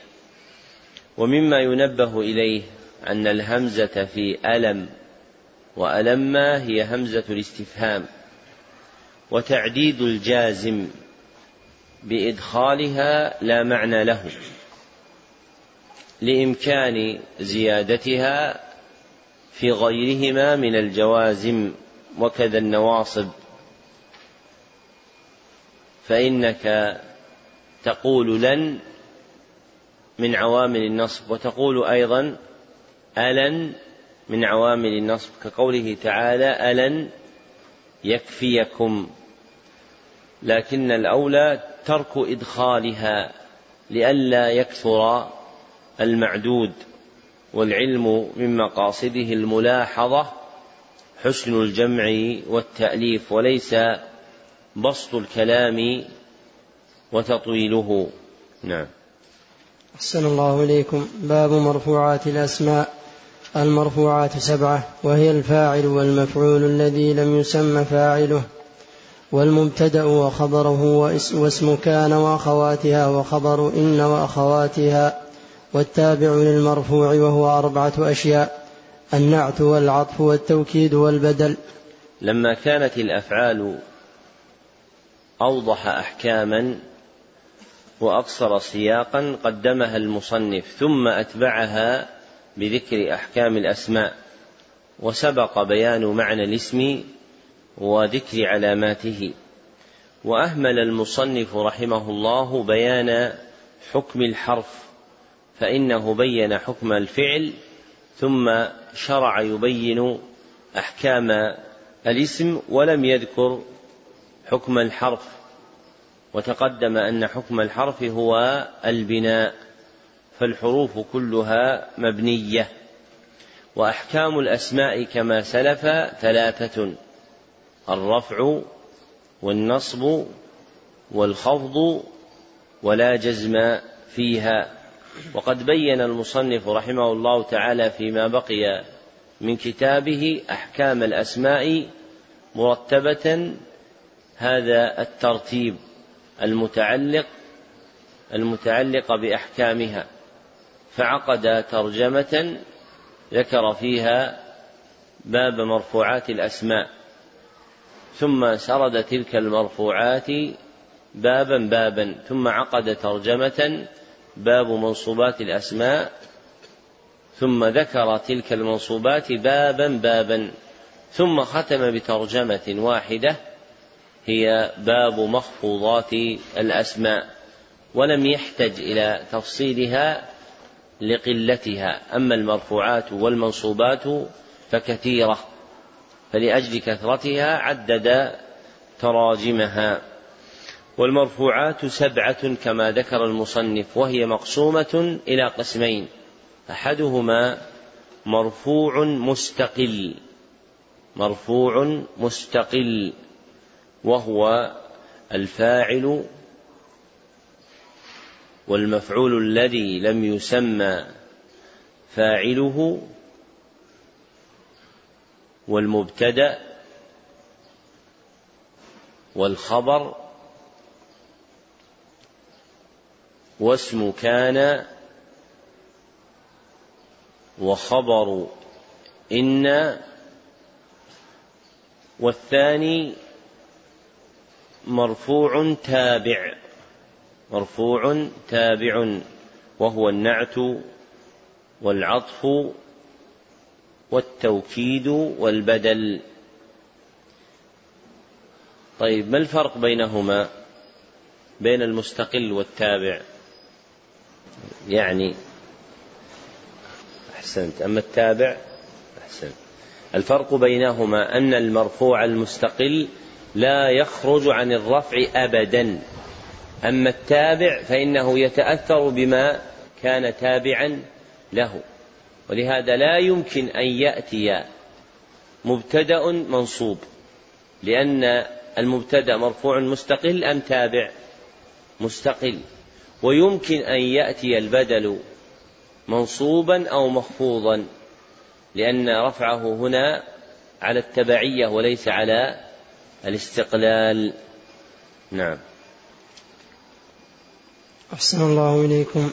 باب الفاعل. في باب من أبواب النحو يقل عند المتأخرين علم من علوم النحو يقل عند المتأخرين مع أن القدامى كابن الأنباري وغيرهم صنفوا فيه وهو العلل النحوية والعلل النحوية كالعلل الحديثية.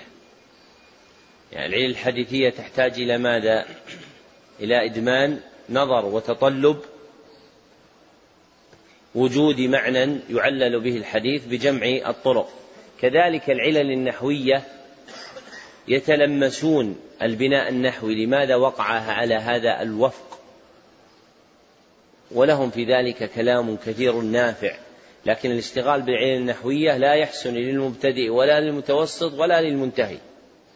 يحسن في من استوعب النحو استيعابا كاملا. فإنه إذا استوعب النحو وأشربه وأشربه قلبه عند ذلك صارت هذه الأمور التي يذكرها علماء النحو حقائق جلية عنده. وقبل ذلك قد يعدها من فلسفة النحاة. ولذلك أهمله المتأخرون. هناك علوم دقيقة أهملت تتعلق ببناء العلوم مثل علل الحديث أهمل وعلل النحو أهملت وتوجيه القراءات أهملت مع أن لها أثرا في فهم مآخذ هذه العلوم ومداركها. مثلا إذا أردت أن تعرف ما وجه تقديم مرفوعات الأسماء على منصوبات الأسماء على مخفوضات الأسماء هذا يرجع إلى علم العلل النحوية وفيه كتاب لأبي البركات بن الأنباري وفيه لغيره ممن بعده. نعم. أحسن الله إليكم. قال رحمه الله باب الفاعل. الفاعل هو الاسم المرفوع المذكور قبله فعله وهو على قسمين ظاهر ومضمر. فالظاهر نحو قولك قام زيد ويقوم زيد وقام الزيدان ويقوم الزيدان. وقام الزيدون ويقوم الزيدون وقام أخوك ويقوم أخوك والمضمر اثنا عشر. نحو قولك ضربت وضربنا وضربت وضربت وضربتما وضربتم وضربتن. وضرب وضربت وضربا وضربوا وضربن. شرع المصنف رحمه الله يبين مرفوعات الأسماء واحدا واحدا وابتدأ بأولها وهو الفاعل. فعرفه بقوله الفاعل هو الاسم المرفوع المذكور قبله فعله وهو مبني على ثلاثة أصول. الأول أنه اسم فلا يكون فعلا ولا حرفا.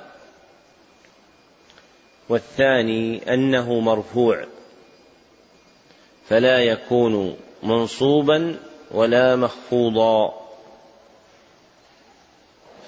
والثالث أن فعله يذكر قبل أي يتقدمه فعل كقول الله تعالى يوم يقوم الناس فالناس فاعل لأنه تقدمه فعله فإن ذكر فعله بعده كان مبتدأ على المختار ومنه قوله تعالى والله يريد فالاسم الأحسن الله اسم مرفوع لأنه مبتدأ وليس فاعلا.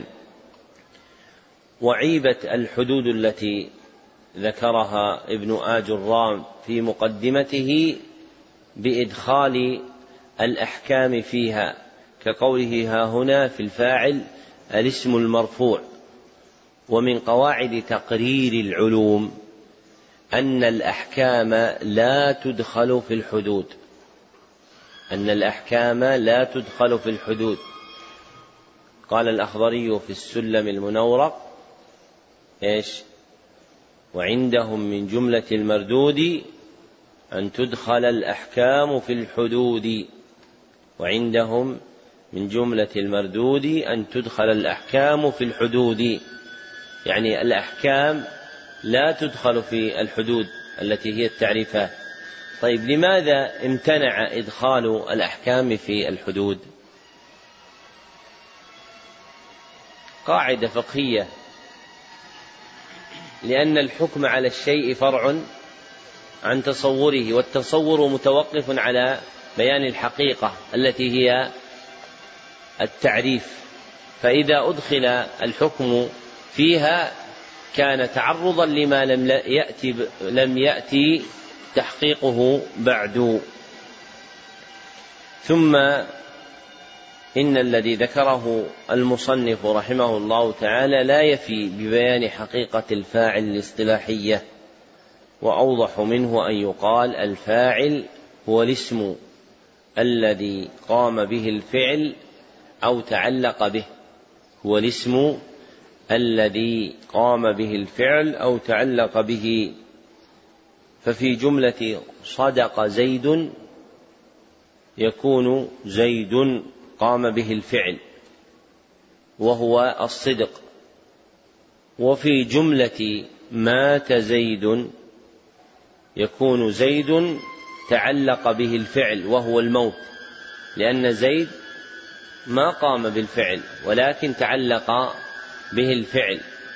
فلا بد من جعل الفاعل على هذا الحد الجامع الاسم الذي قام به الفعل أو تعلق به. ثم جعل المصنف الفاعل قسمين ظاهر ومضمر. فالظاهر, فالظاهر ما دل على مسماه بلا قيد. ما دل على مسماه بلا قيد فهو المبين الواضح والمضمر لفظ يدل على متكلم نحو أنا لفظ يدل على متكلم نحو أنا أو مخاطب نحو أنت أو غائب نحو هو وساق أمثلة الظاهر فالفاعل فيها جميعا هو اسم ظاهر زيد والزيدان إلى آخر ما ذكر. والفعل المتقدم فيها ماض أو مضارع لأن الأمر لا يكون فاعله إلا مضمرا. ثم ذكر أن الفاعل المضمر اثنا عشر نوعا. وكلها ضمائر مبنية في محل رفع فاعل وساق أمثلتها وهي ضمائر تدل على المتكلم أو المخاطب. ولم يذكر أن الفاعل يجيء ضميرا مستترا مع وقوعه كذلك فكان الأولى في القسمة أن يكون الفاعل على قسمين أحدهما الصريح وهو الظاهر سواء كان ضميرا أو غيره وحده ما دل على مسماه بلا قيد ما دل على مسماه بلا قيد أو بقيد تكلم أو خطاب ما دل على مسماه بلا قيد أو بقيد تكلم أو خطاب. والثاني المقدر المقدر وهو ما دل على مسماه بقيد الغيبة وهو ما دل على مسماه بقيد الغيبة. والمقدر هو المستتر. مثل قوله تعالى قل هو الله أحد فإن الفاعل ضمير مستتر تقديره أنت أي النبي صلى الله عليه وسلم. ولذلك المفسرون إذا ولذلك فإن المفسرين إذا جاءوا إلى هذه الآية قالوا قل يا إيش؟ قل يا محمد الله أحد. قل يا محمد الله أحد. ومن فوائد ابن باديس رحمه الله التي استدرك بها على المفسرين من قبل واستدرك بها على نفسه من بعد لأنه لم يتنبه إلى هذا إلا في آخر أماليه على التفسير وهو أن كثيرا من المفسرين يذكرون النبي صلى الله عليه وسلم بالاسم المجرد فيقولون قل يا محمد. قال والأولى أن يذكر بما شرفه الله به من رتبة. فيقال قل يا رسول الله. ليدل على المقام الأعلى في خطاب الله عز وجل له. فإن الله لما ذكره قال محمد رسول الله. وهذه من دقائق فوائده رحمه الله في التفسير. نعم. أحسن الله إليكم. باب المفعول الذي لم يسمى فاعله وهو الاسم المرفوع الذي لم يذكر معه فاعله فإن كان الفعل ماضيا ضم أوله وكسر ما قبل آخره وإن كان مضارعا ضم أوله وفتح ما قبل آخره وهو على قسمين ظاهر ومضمر فالظاهر نحو قولك ضرب, ضرب زيد ويضرب زيد وأكرم عمرو ويكرم عمرو. والمضمر اثنا عشر. نحو قولك ضربت وضربنا وضربت وما أشبه ذلك.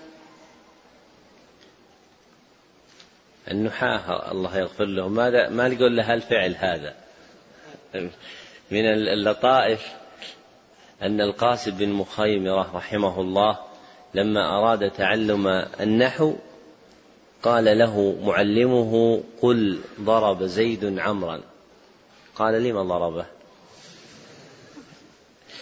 قال هكذا البناء. يعني هكذا البناء يعني هكذا الأمثلة في بيان النحو. فقال رحمه الله شيء أوله شغل وآخره بغي لا أريده. رواه الخطيب في اقتضاء العلم العمل. وهذه من القصص التي لا تراد حقيقتها. يعني إنما قال ذلك على وجه المزح مع معلمه وإلا فالحقيقة النحو من العلوم التي يحتاج إليها. حتى قال الكسائي إنما النحو قياس يتبع وبه في كل علم ينتفع. يعني في كل علم يحتاج الناس إلى علم النحو.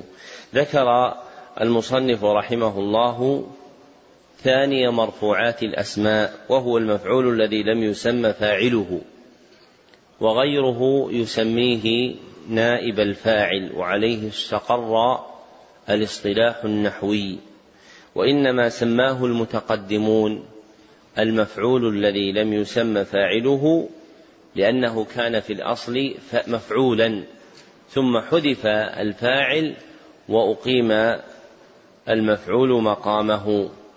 وحده المصنف بقوله وهو الاسم المرفوع الذي لم يذكر معه فاعله وهو مبني على ثلاثة أصول. الأول أنه اسم فلا يكون فعلا ولا حرفا. والثاني أنه مرفوع فلا يكون مخفوضا فلا يكون منصوبا ولا مخفوضا. والثالث أن فاعله لا يذكر معه. بل يحذف الفاعل ويكتفى عنه بالمفعول.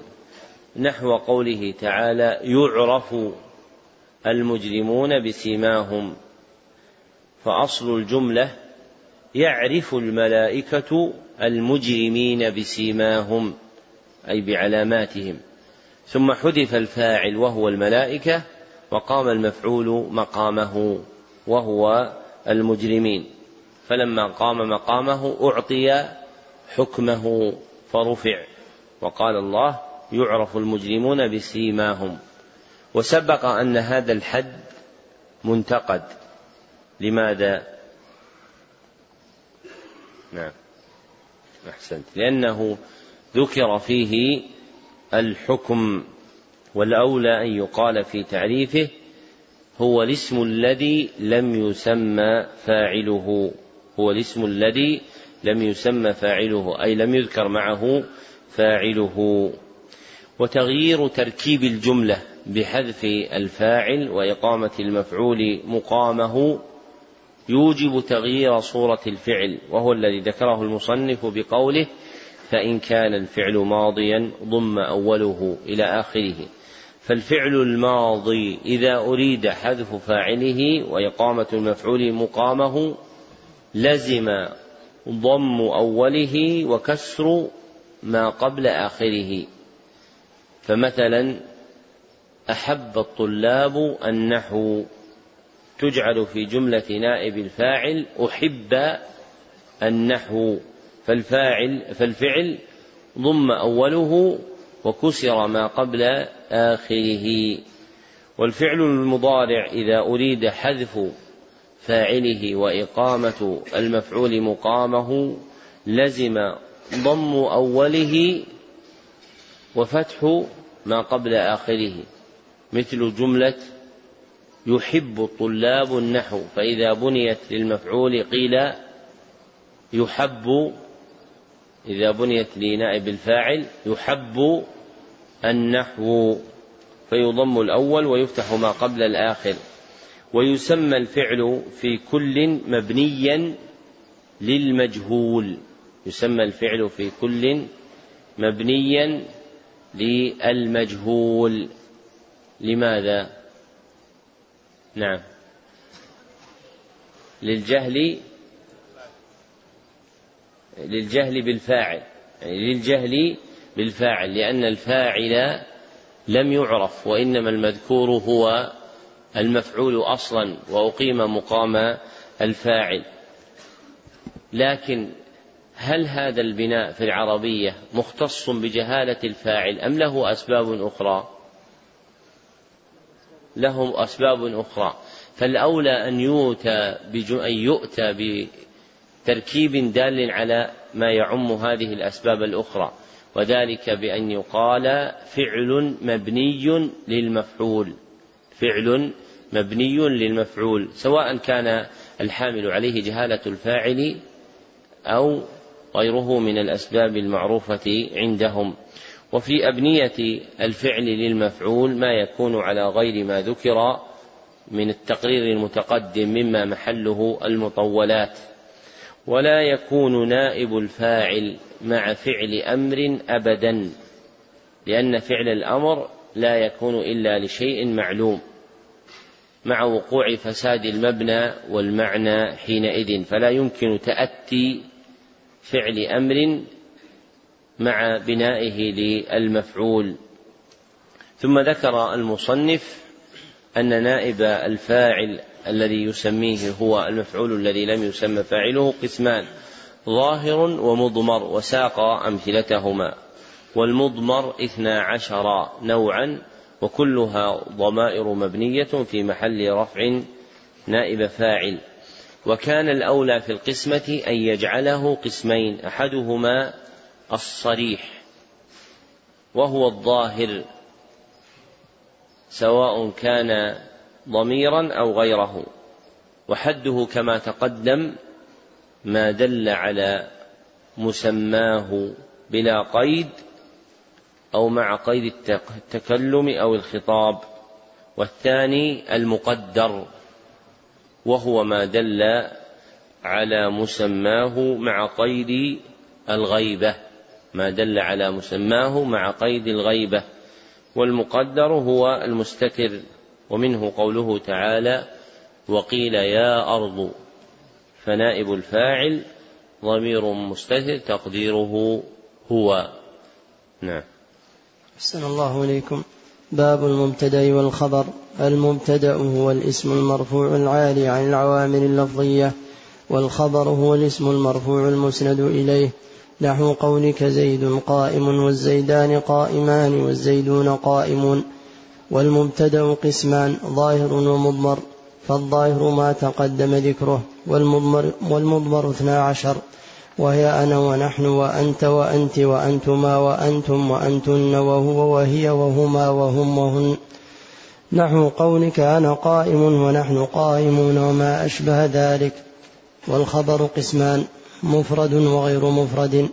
فالمفرد نحو قولك زيد قائم وغير المفرد أربعة أشياء الجار والمجرور والظرف والفعل مع فاعله والمبتدأ مع خبره نحو قولك. زيد في الدار وزيد عندك وزيد قام أبوه وزيد جاريته ذاهبة. ذكر المصنف رحمه الله الثالث والرابع من مرفوعات الأسماء وهما المبتدأ والخبر.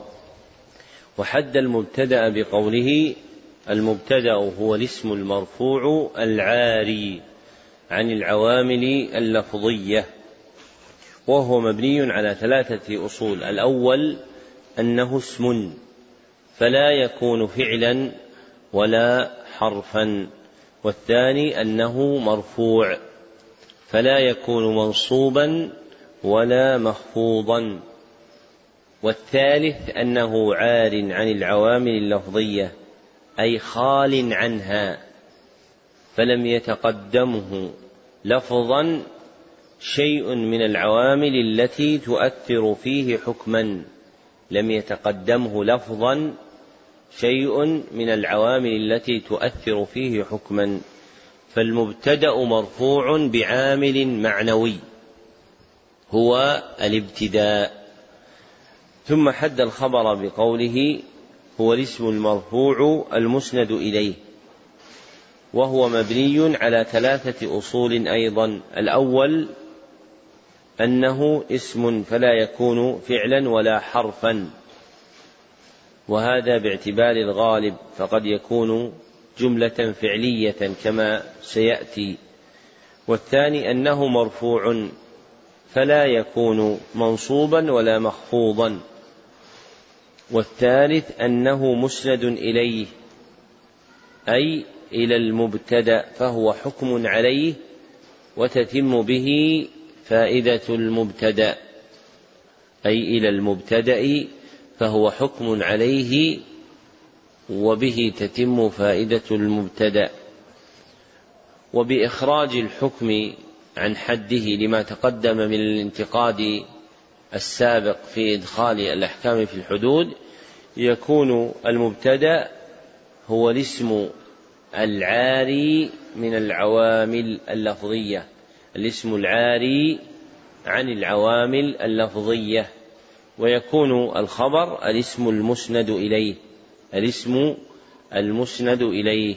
ومثل لهما فقال نحو قولك زيد قائم والزيدان قائمان والزيدون قائمون. ولم يفسر ما مثل به. والمناسب للمبتدئ التفصيل فزيد فيهن مبتدأ. وهو اسم مرفوع عار عن العوامل اللفظية فلم يتقدمه عامل لفظي. والخبر فيها قائم وقائمان وقائمون فثلاثتها أسماء مرفوعة مسندة إلى المبتدأ وتتم بها مع المبتدأ فائدة. ثم ذكر المصنف أن المبتدأ قسمان ظاهر ومضمر وساق أمثلتهما. والمضمر اثنا عشر نوعا وكلها ضمائر مبنية في محل رفع مبتدأ. والتحقيق أن المبتدأ في الضمير أنا وأنت وأنت وأنتما وأنتم وأنتن هو أن. وما اتصل بها فهو حرف لا محل له من الإعراب وضع للدلالة على المخاطب. ثم ذكر أن الخبر قسمان مفرد وغير مفرد. والمراد بالمفرد هنا ما ليس جملة ولا شبه جملة لا ما يقابل المثنى والجمع لأنه تقدم ذكر المفرد على إرادة ما يقابل المثنى والجمع. أما هنا فإنه يقابل الجملة وشبه الجملة. نحو قائم فيما مثل به هنا ونظيره قائمان وقائمون. فهذا ليس مرادا في ذكر اسم المفرد هنا وإنما المراد بالمفرد ما ليس جملة وهو لا شبه جملة سواء كان مثنى أو جمعا أو للدلالة على الواحد. أما الخبر غير المفرد فجعله أربعة أشياء. أولها الجار والمجرور ومثل له في الدار في جملة زيد في الدار. والثاني الظرف ومثل له عندك. في جملة زيد عندك والثالث الفعل مع فاعله. ومثل له قام أبوه في جملة زيد قام أبوه. والرابع المبتدأ مع خبره في جملة زيد. ومثل له جاريته ذاهبة في جملة زيد جاريته ذاهبة. والتحقيق أن غير المفرد نوعان. والتحقيق أن غير المفرد نوعان. جملة وشبه جملة. جملة وشبه جملة. والجملة نوعان اسمية وفعلية. والجملة نوعان اسمية وفعلية. وشبه الجملة نوعان. ظرف وجار ومجرور. ظرف وجار ومجرور. وهذا يجمع قسمة المصنف كلها والجمع في التقاسيم من محاسن التعليم. وشبه الجملة من الظرف والجار والمجرور ليس خبرا عند جماعة من النحاة. بل متعلق بخبر محذوف تقديره كائن أو مستقر. فمثلا جملة زيد في الدار على ما ذكره المصنف يكون الخبر الجار والمجرور وهو في الدار. وعند جماعة من النحاة ليس الجار والمجرور هو الخبر بل الخبر محذوف تقديره مستقر. زيد مستقر أو كائن في الدار. ومن النحاة من يجعل الخبر الجار والمجرور ومتعلقهما. فيجعل ذلك كله هو الخبر مستقر في الدار. وهذا هو الأصح. نعم. صلى الله عليكم. باب العوامل الداخلة على المبتدأ والخبر وهي ثلاثة أشياء كان وأخواتها وإن وأخواتها وظننت وأخواتها. ذكر المصنف رحمه الله الخامسة والسادسة من مرفوعات الأسماء وهما اسم كان وأخواتها وخبر إن وأخواتها ولم يفصح عن ذلك ابتداء. بل يفهم من مآل كلامه فإنه عقد ترجمة تدل عليهما وعلى غيرهما. فإنه قال باب العوامل الداخلة الداخلة على المبتدأ والخبر وسبق بيان معنى العامل.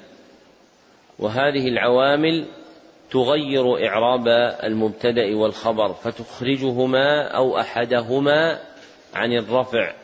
وهي ثلاثة أقسام. الأول كان وأخواتها وكلها أفعال. والثاني إن وأخواتها وكلها حروف.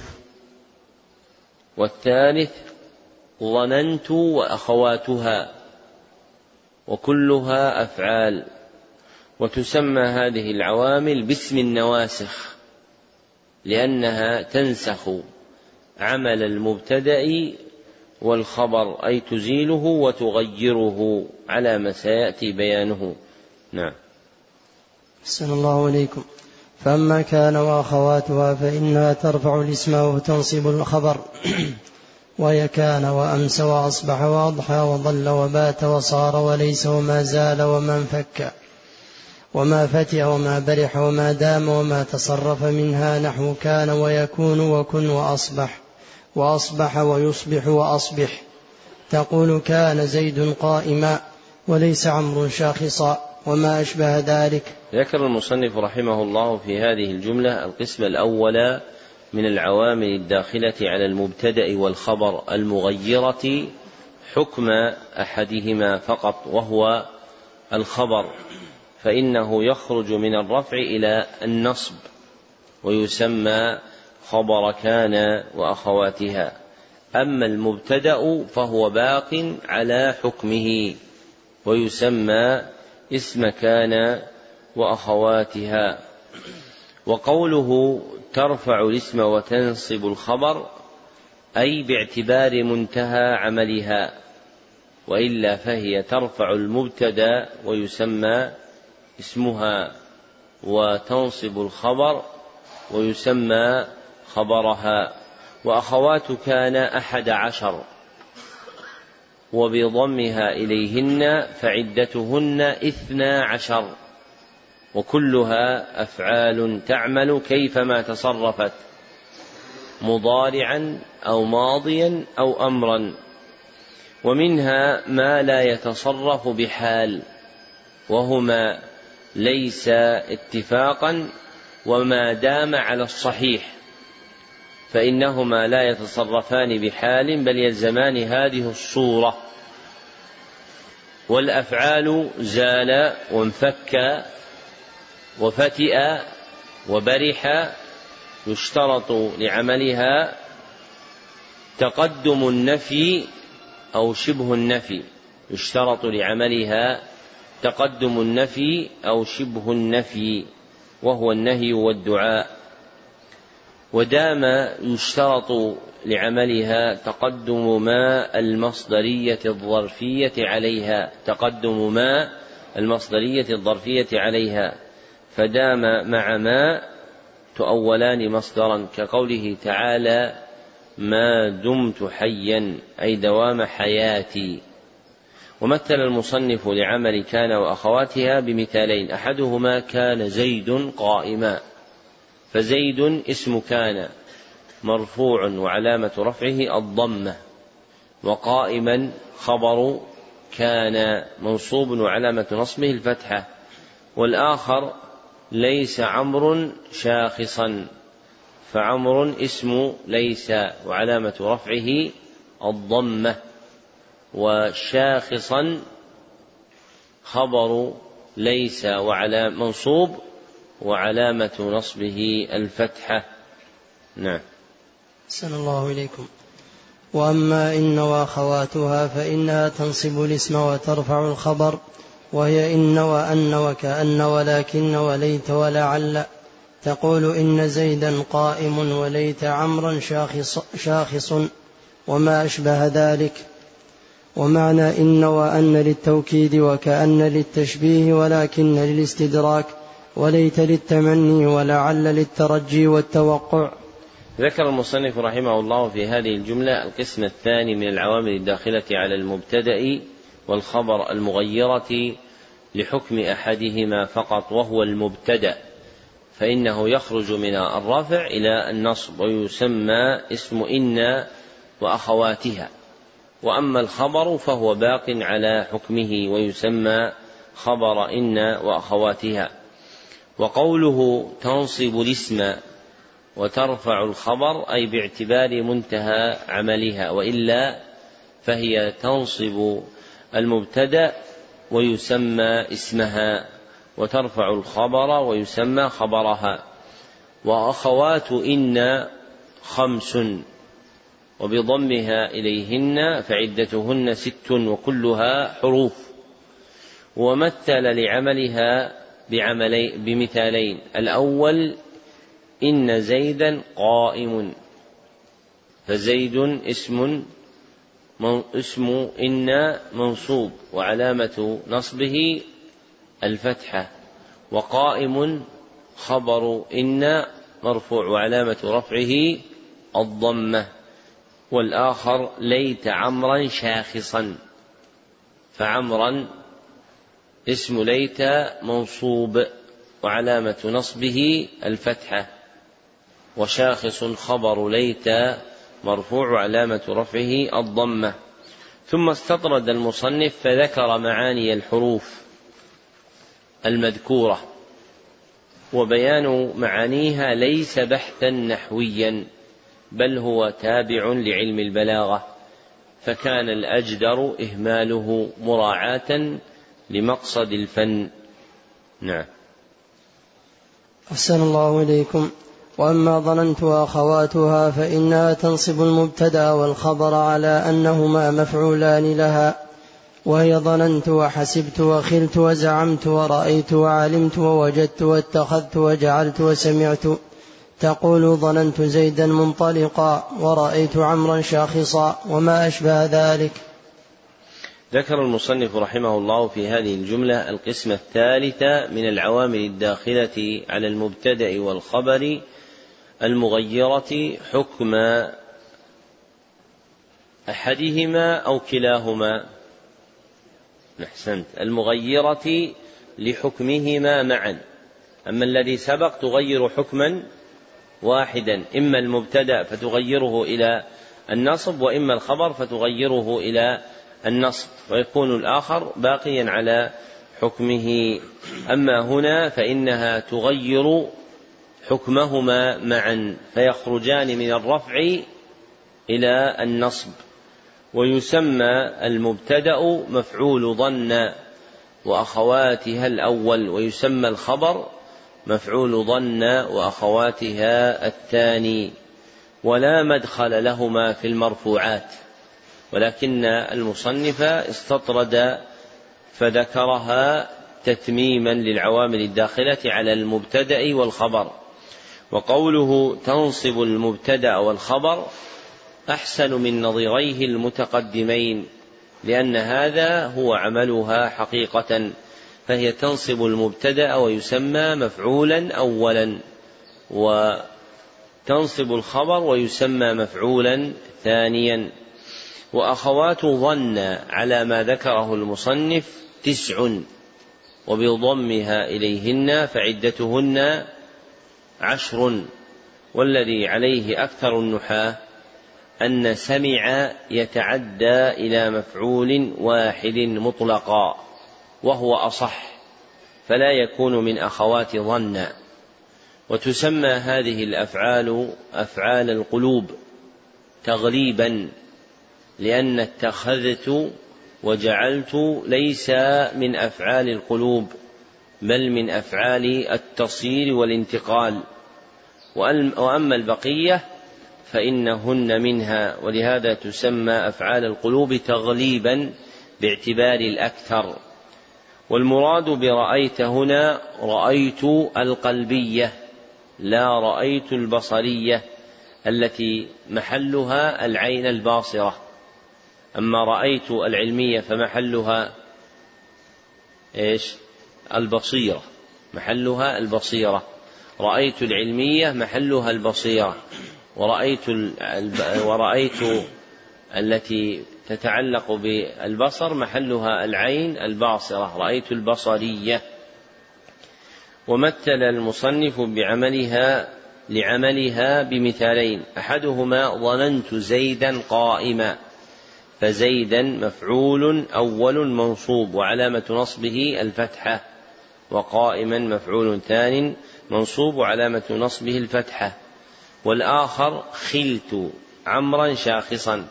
فعمرا مفعول به أو مفعول أول منصوب وعلامة نصبه الفتحة وشاخصا مفعول ثاني منصوب وعلامة نصبه الفتحة. وبهذا استكملنا المرفوعات الأصلية وهي الفاعل والمفعول الذي لم يسمى فاعله والمبتدأ والخبر واسم كان وأخواتها وخبر إن وأخواتها. نعم.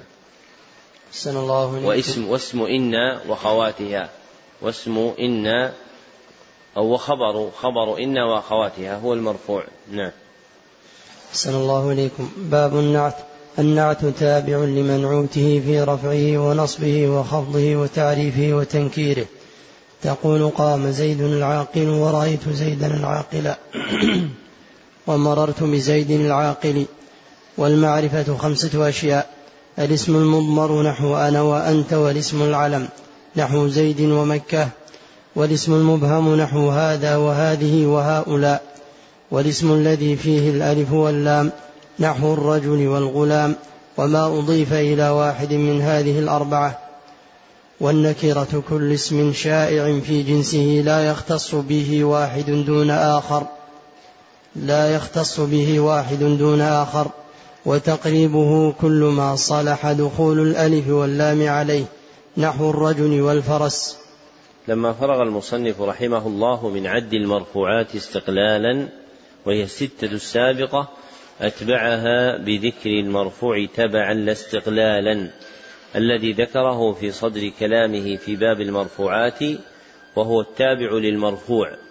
وجعله كما سبق أربعة أشياء النعت والعطف والتوكيد والبدل. فعقد هذه الترجمة وثلاثة أبواب بعدها لبيان التوابع.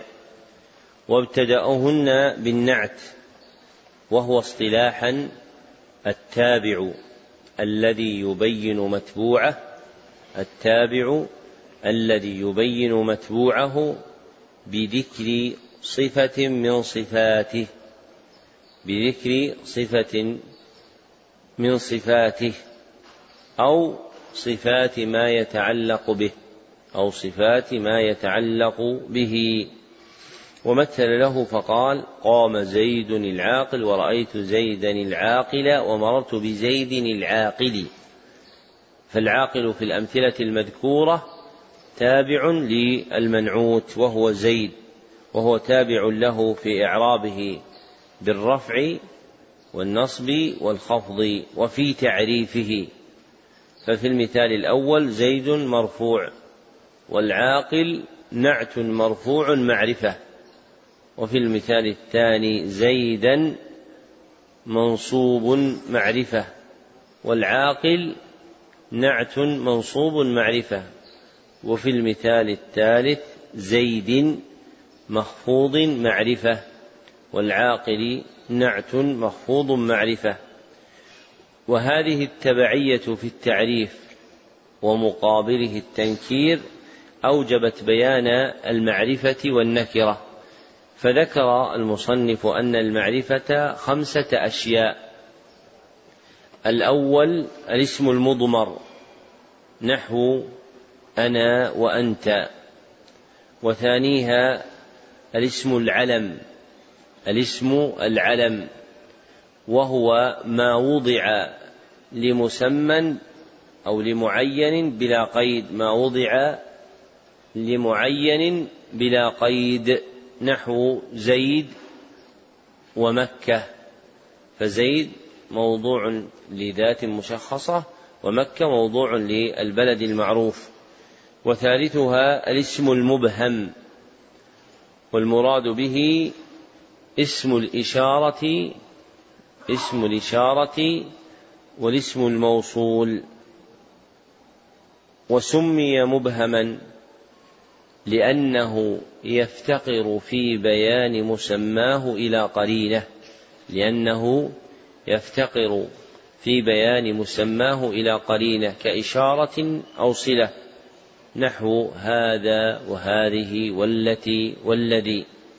ورابعها الاسم الذي فيه الألف واللام أي المحلى بهما نحو الرجل والغلام. والمستقيم لغة كما تقدم أن يقال الاسم الذي فيه ال وأعم منه أن يقال الاسم الذي فيه أداة التعريف فهو الاسم الذي دخلته أداة التعريف. وخامسها ما أضيف إلى واحد من هذه الأربعة. ما أضيف إلى واحد من هذه الأربعة. أما النكرة فهي كل اسم شائع في جنسه الذي دل عليه. كل اسم شائع في جنسه الذي دل عليه. فلا يختص بواحد من أفراده دون آخر. وقربه المصنف فقال كل ما صلح دخول الألف واللام عليه نحو الرجل والفرس والمراد بها الألف واللام المعرفة كما سبق. فما حسن دخول ال عليه مفيدة للتعريف فهو نكرة وما لم يحسن دخولها عليه فليس بنكرة كأل الداخله على الحارث والوليد فإنها لا تفيد تعريفا لأن وليد وحارث هما معرفتان لأنهما علمان. وتبعية النعت لمتبوع لمتبوعه هي في رفعه ونصبه وخفضه وفي تعريفه وتنكيره. وتقترن أيضا بالتبعية له في إفراده وتثنيته وجمعه وفي تذكيره وتأنيثه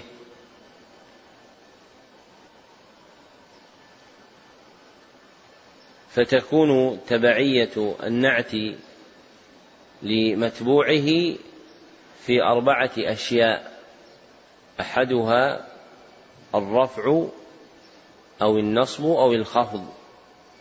وثانيها التعريف أو التنكير. وثالثها الإفراد أو التثنية أو الجمع. ورابعها التذكير أو التأنيث. نعم. أحسن الله إليكم. باب العطف. وحروف العطف عشرة. وهي الواو والفاء وثم وأو وأم وإم وبل ولا ولكن وحتى في بعض المواضع. فإن عطفت على مرفوع رفعت أو على منصوب نصبت أو على مخفوض خفضت أو على مجزوم جزمت. تقول قام زيد وعمر ورأيت زيدا وعمرا ومررت بزيد وعمر. هذا التابع الثاني من التوابع الأربعة وهو العطف. والمقصود بالحكم عند النحاة هو المعطوف فيكون قولهم العطف من إطلاق المصدر وإرادة اسم المفعول لأنه متعلق الحكم وحد العطف عندهم تابع يتوسط بينه وبين متبوعه حرف مخصوص تابع يتوسط بينه وبين متبوعه حرف مخصوص ويسمى عطف النسق ويسمى عطف النسق. والمراد بالحرف المخصوص أحد حروف العطف العشرة وهي الواو والفاء إلى آخر ما ذكر. واشترط في العطف بما أن تسبق بمثلها. نحو قوله تعالى فشدوا الوثاق فإما منا بعد وإما فداء. والمختار أنها ليست من حروف العطف. والمختار أن ما ليست من حروف العطف وإنما العاطف هو حرف الواو. ومحل التبعية بين المعطوف والمعطوف عليه في الإعراب دون التعريف والتنكير. فإنه يجوز عطف نكرة على معرفة أو معرفة على نكرة. فتقول جاء محمد ورجل وتقول جاء رجل ومحمد. ومثل المصنف للأربعة فمثل للمرفوع قام زيد وعمر فعمر معطوف على زيد والمعطوف على المرفوع مرفوع. وعلامة رفعه الضمة. ومثل للمنصوب رأيت زيدا وعمرا فعمرا معطوف على زيدا والمعطوف على المنصوب منصوب وعلامة نصبه الفتحة. ومثل للمخفوض مررت بزيد وعمر فعمر معطوف على زيد والمعطوف على المخفوض مخفوض وعلامة خفضه الكسرة. ولم يمثل المصنف رحمه الله تعالى للعطف بالجزم مع أنه ذكره.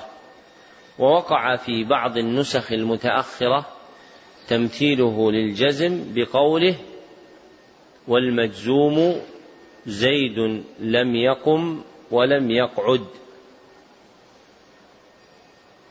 إلا أن هذا الواقع في بعض النسخ المتأخرة ليس من كلام ابن آجرام بل زاده بعض المتأخرين فلم يحسن لأن العطف هنا ليس عطف مجزوم على مجزوم لأنه عطف جملة على جملة.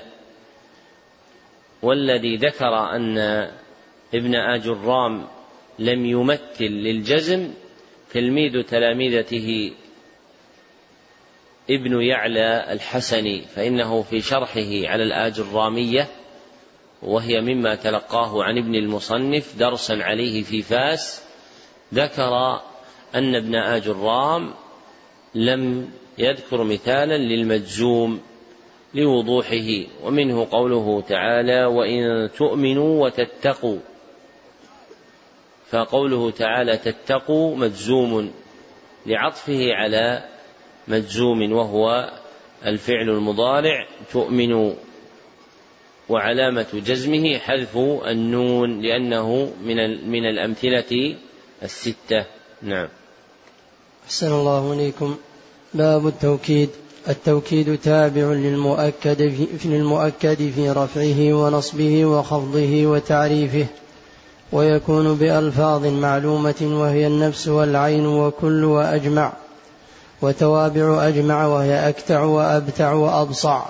تقول قام زيد نفسه ورأيت القوم كلهم ومررت بالقوم أجمعين. هذا التابع الثالث من التوابع الأربعة وهو التوكيد وذلك نوعان. الأول التوكيد اللفظي. التوكيد اللفظي. ويكون بتكرير اللفظ وإعادته بعينه أو مرادفه. مثل قول الشاعر ألا فحبذا حبذا حبذا. صديق تحملت فيه الأذى. فحبذا حبذا حبذا توكيد لفظي. والثاني التوكيد المعنوي. وحده اصطلاحا التابع الذي يرفع احتمال السهو أو التوسع في المتبوع. التابع الذي يرفع احتمال السهو أو التوسع في المتبوع.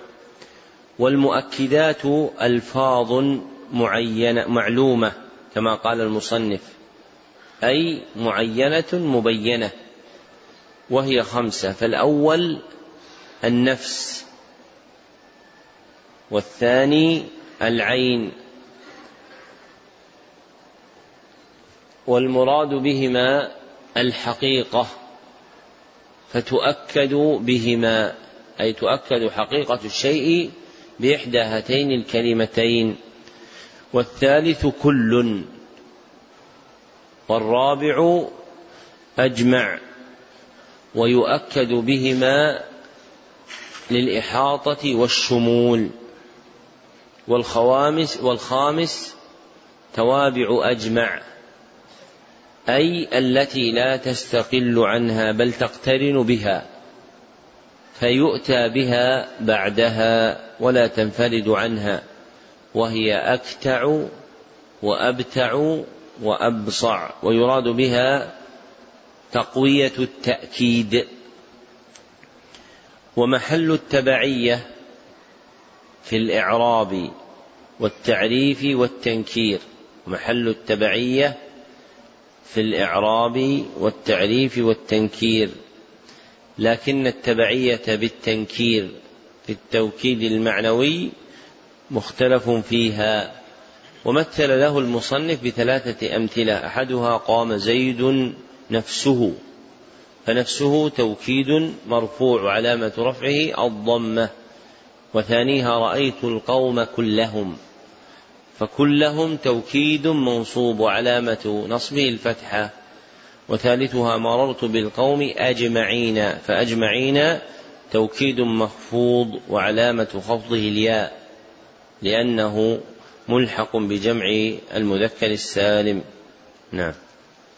أحسن الله إليكم. قال رحمه الله باب البدل إذا أبدل اسم من اسم أو فعل من فعل تبعه في جميع إعرابه وهو على أربعة أقسام بدل الشيء من الشيء وبدل البعض من الكل وبدل الاشتمال وبدل الغلط.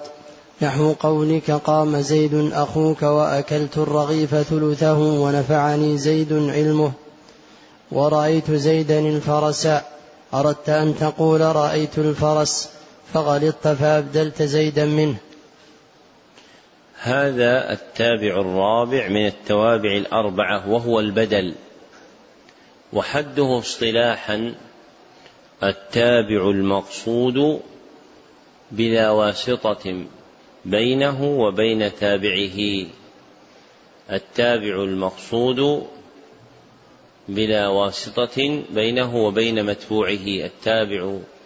المقصود بلا واسطة بينه وبين متبوعه والتبعية مخصوصة بالإعراب كما صرح به فلا تقع في غيره ولا يختص بالأسماء بل يقع في الأفعال كما دل عليه قول المصنف رحمه الله ومنه قوله تعالى واتقوا الله الذي أمدكم بما تعلمون أمدكم بأموال بأنعام وبنين.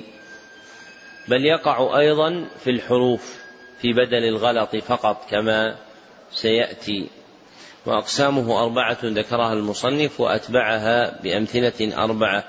الأول بدل الشيء من الشيء فيكون البدل عين المبدل منه. والتعبير بقولنا بدل كل من كل أجمع في البيان لأنه يدل على نفس معناه من كل وجه. ومثل له بقوله قام زيد أخوك فأخوك زيد فأخوك بدل زيد وهو من بدل الشيء من الشيء. وعلى ما ذكرنا بدل كل من كل. فزيد مرفوع وأخوك بدل مرفوع والثاني بدل البعض من الكل. فيكون البدل جزءا من المبدل منه سواء كان أقل من الباقي أم مساويا له أم أكثر منه. ولا بد فيه من ضمير يعود إلى المتبوع والأفصح أن يقال بدل بعض من كل. للخلاف في دخول ال على بعض وكل عند أهل العربية. ومثل له بقوله أكلت الرغيف ثلثه فثلثه بدل من الرغيف وهو بدل بعض من كل. وثلثه بدل منصوب وعلامة نصبه الفتحة. والثالث بدل الاشتمال فيكون البدل من مشتملات المبدل منه. فيكون البدل من مشتملات المبدل منه. فبينهما ارتباط بغير الكلية والجزئية. فبينهما ارتباط بغير الكلية والجزئية. لأن الكلية والجزئية تتعلق ببدل بعض من كل السابق. أما العلاقة هنا أما العلاقة هنا فليست كذلك. ومثل له بقوله نفعني زيد علمه. فعلمه بدل زيد وهو بدل اشتمال. والفرق بين الاشتمال وبدل بعض من كل أن بدل بعض من كل يكون متعلقا بشيء محسوس في ذات محسوسة يكون متعلقا بشيء محسوس في ذات محسوسة. فثلث الرغيف من الرغيف وهما محسوسان. أما في بدل الاشتمال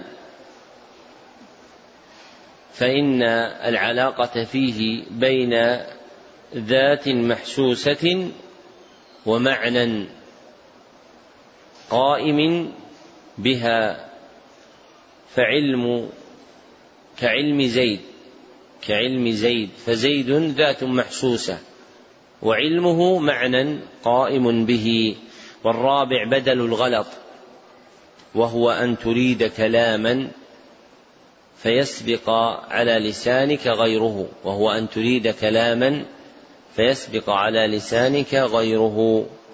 ثم تعدل عنه إلى ما أردت أولا ثم تعدل عنه إلى ما أردت أولا. ومثل له بقوله رأيت زيدا الفرس وقال في بيان وجه التمثيل أردت أن تقول الفرس أي رأيت الفرس فغلطت فأبدلت زيدا منه. فالفرس بدل زيد وهو بدل غلط فزيدا منصوب والفرس بدل منصوب وكلاهما علامته الفتحة. وسمى ابن هشام أحد محقق النحو هذا النوع البدل المباين البدل المباين وهو أليق وجعله أقساما عد منها بدل الغلط. ومنه في الحروف جاء محمد في إلى المسجد. جاء محمد في إلى المسجد. أردت أن تقول جاء محمد إلى المسجد فغلطت وقلت جاء محمد في ثم عدلت عنه ورجعت إلى ما كان أولا وهذا من جنس غلط البدل.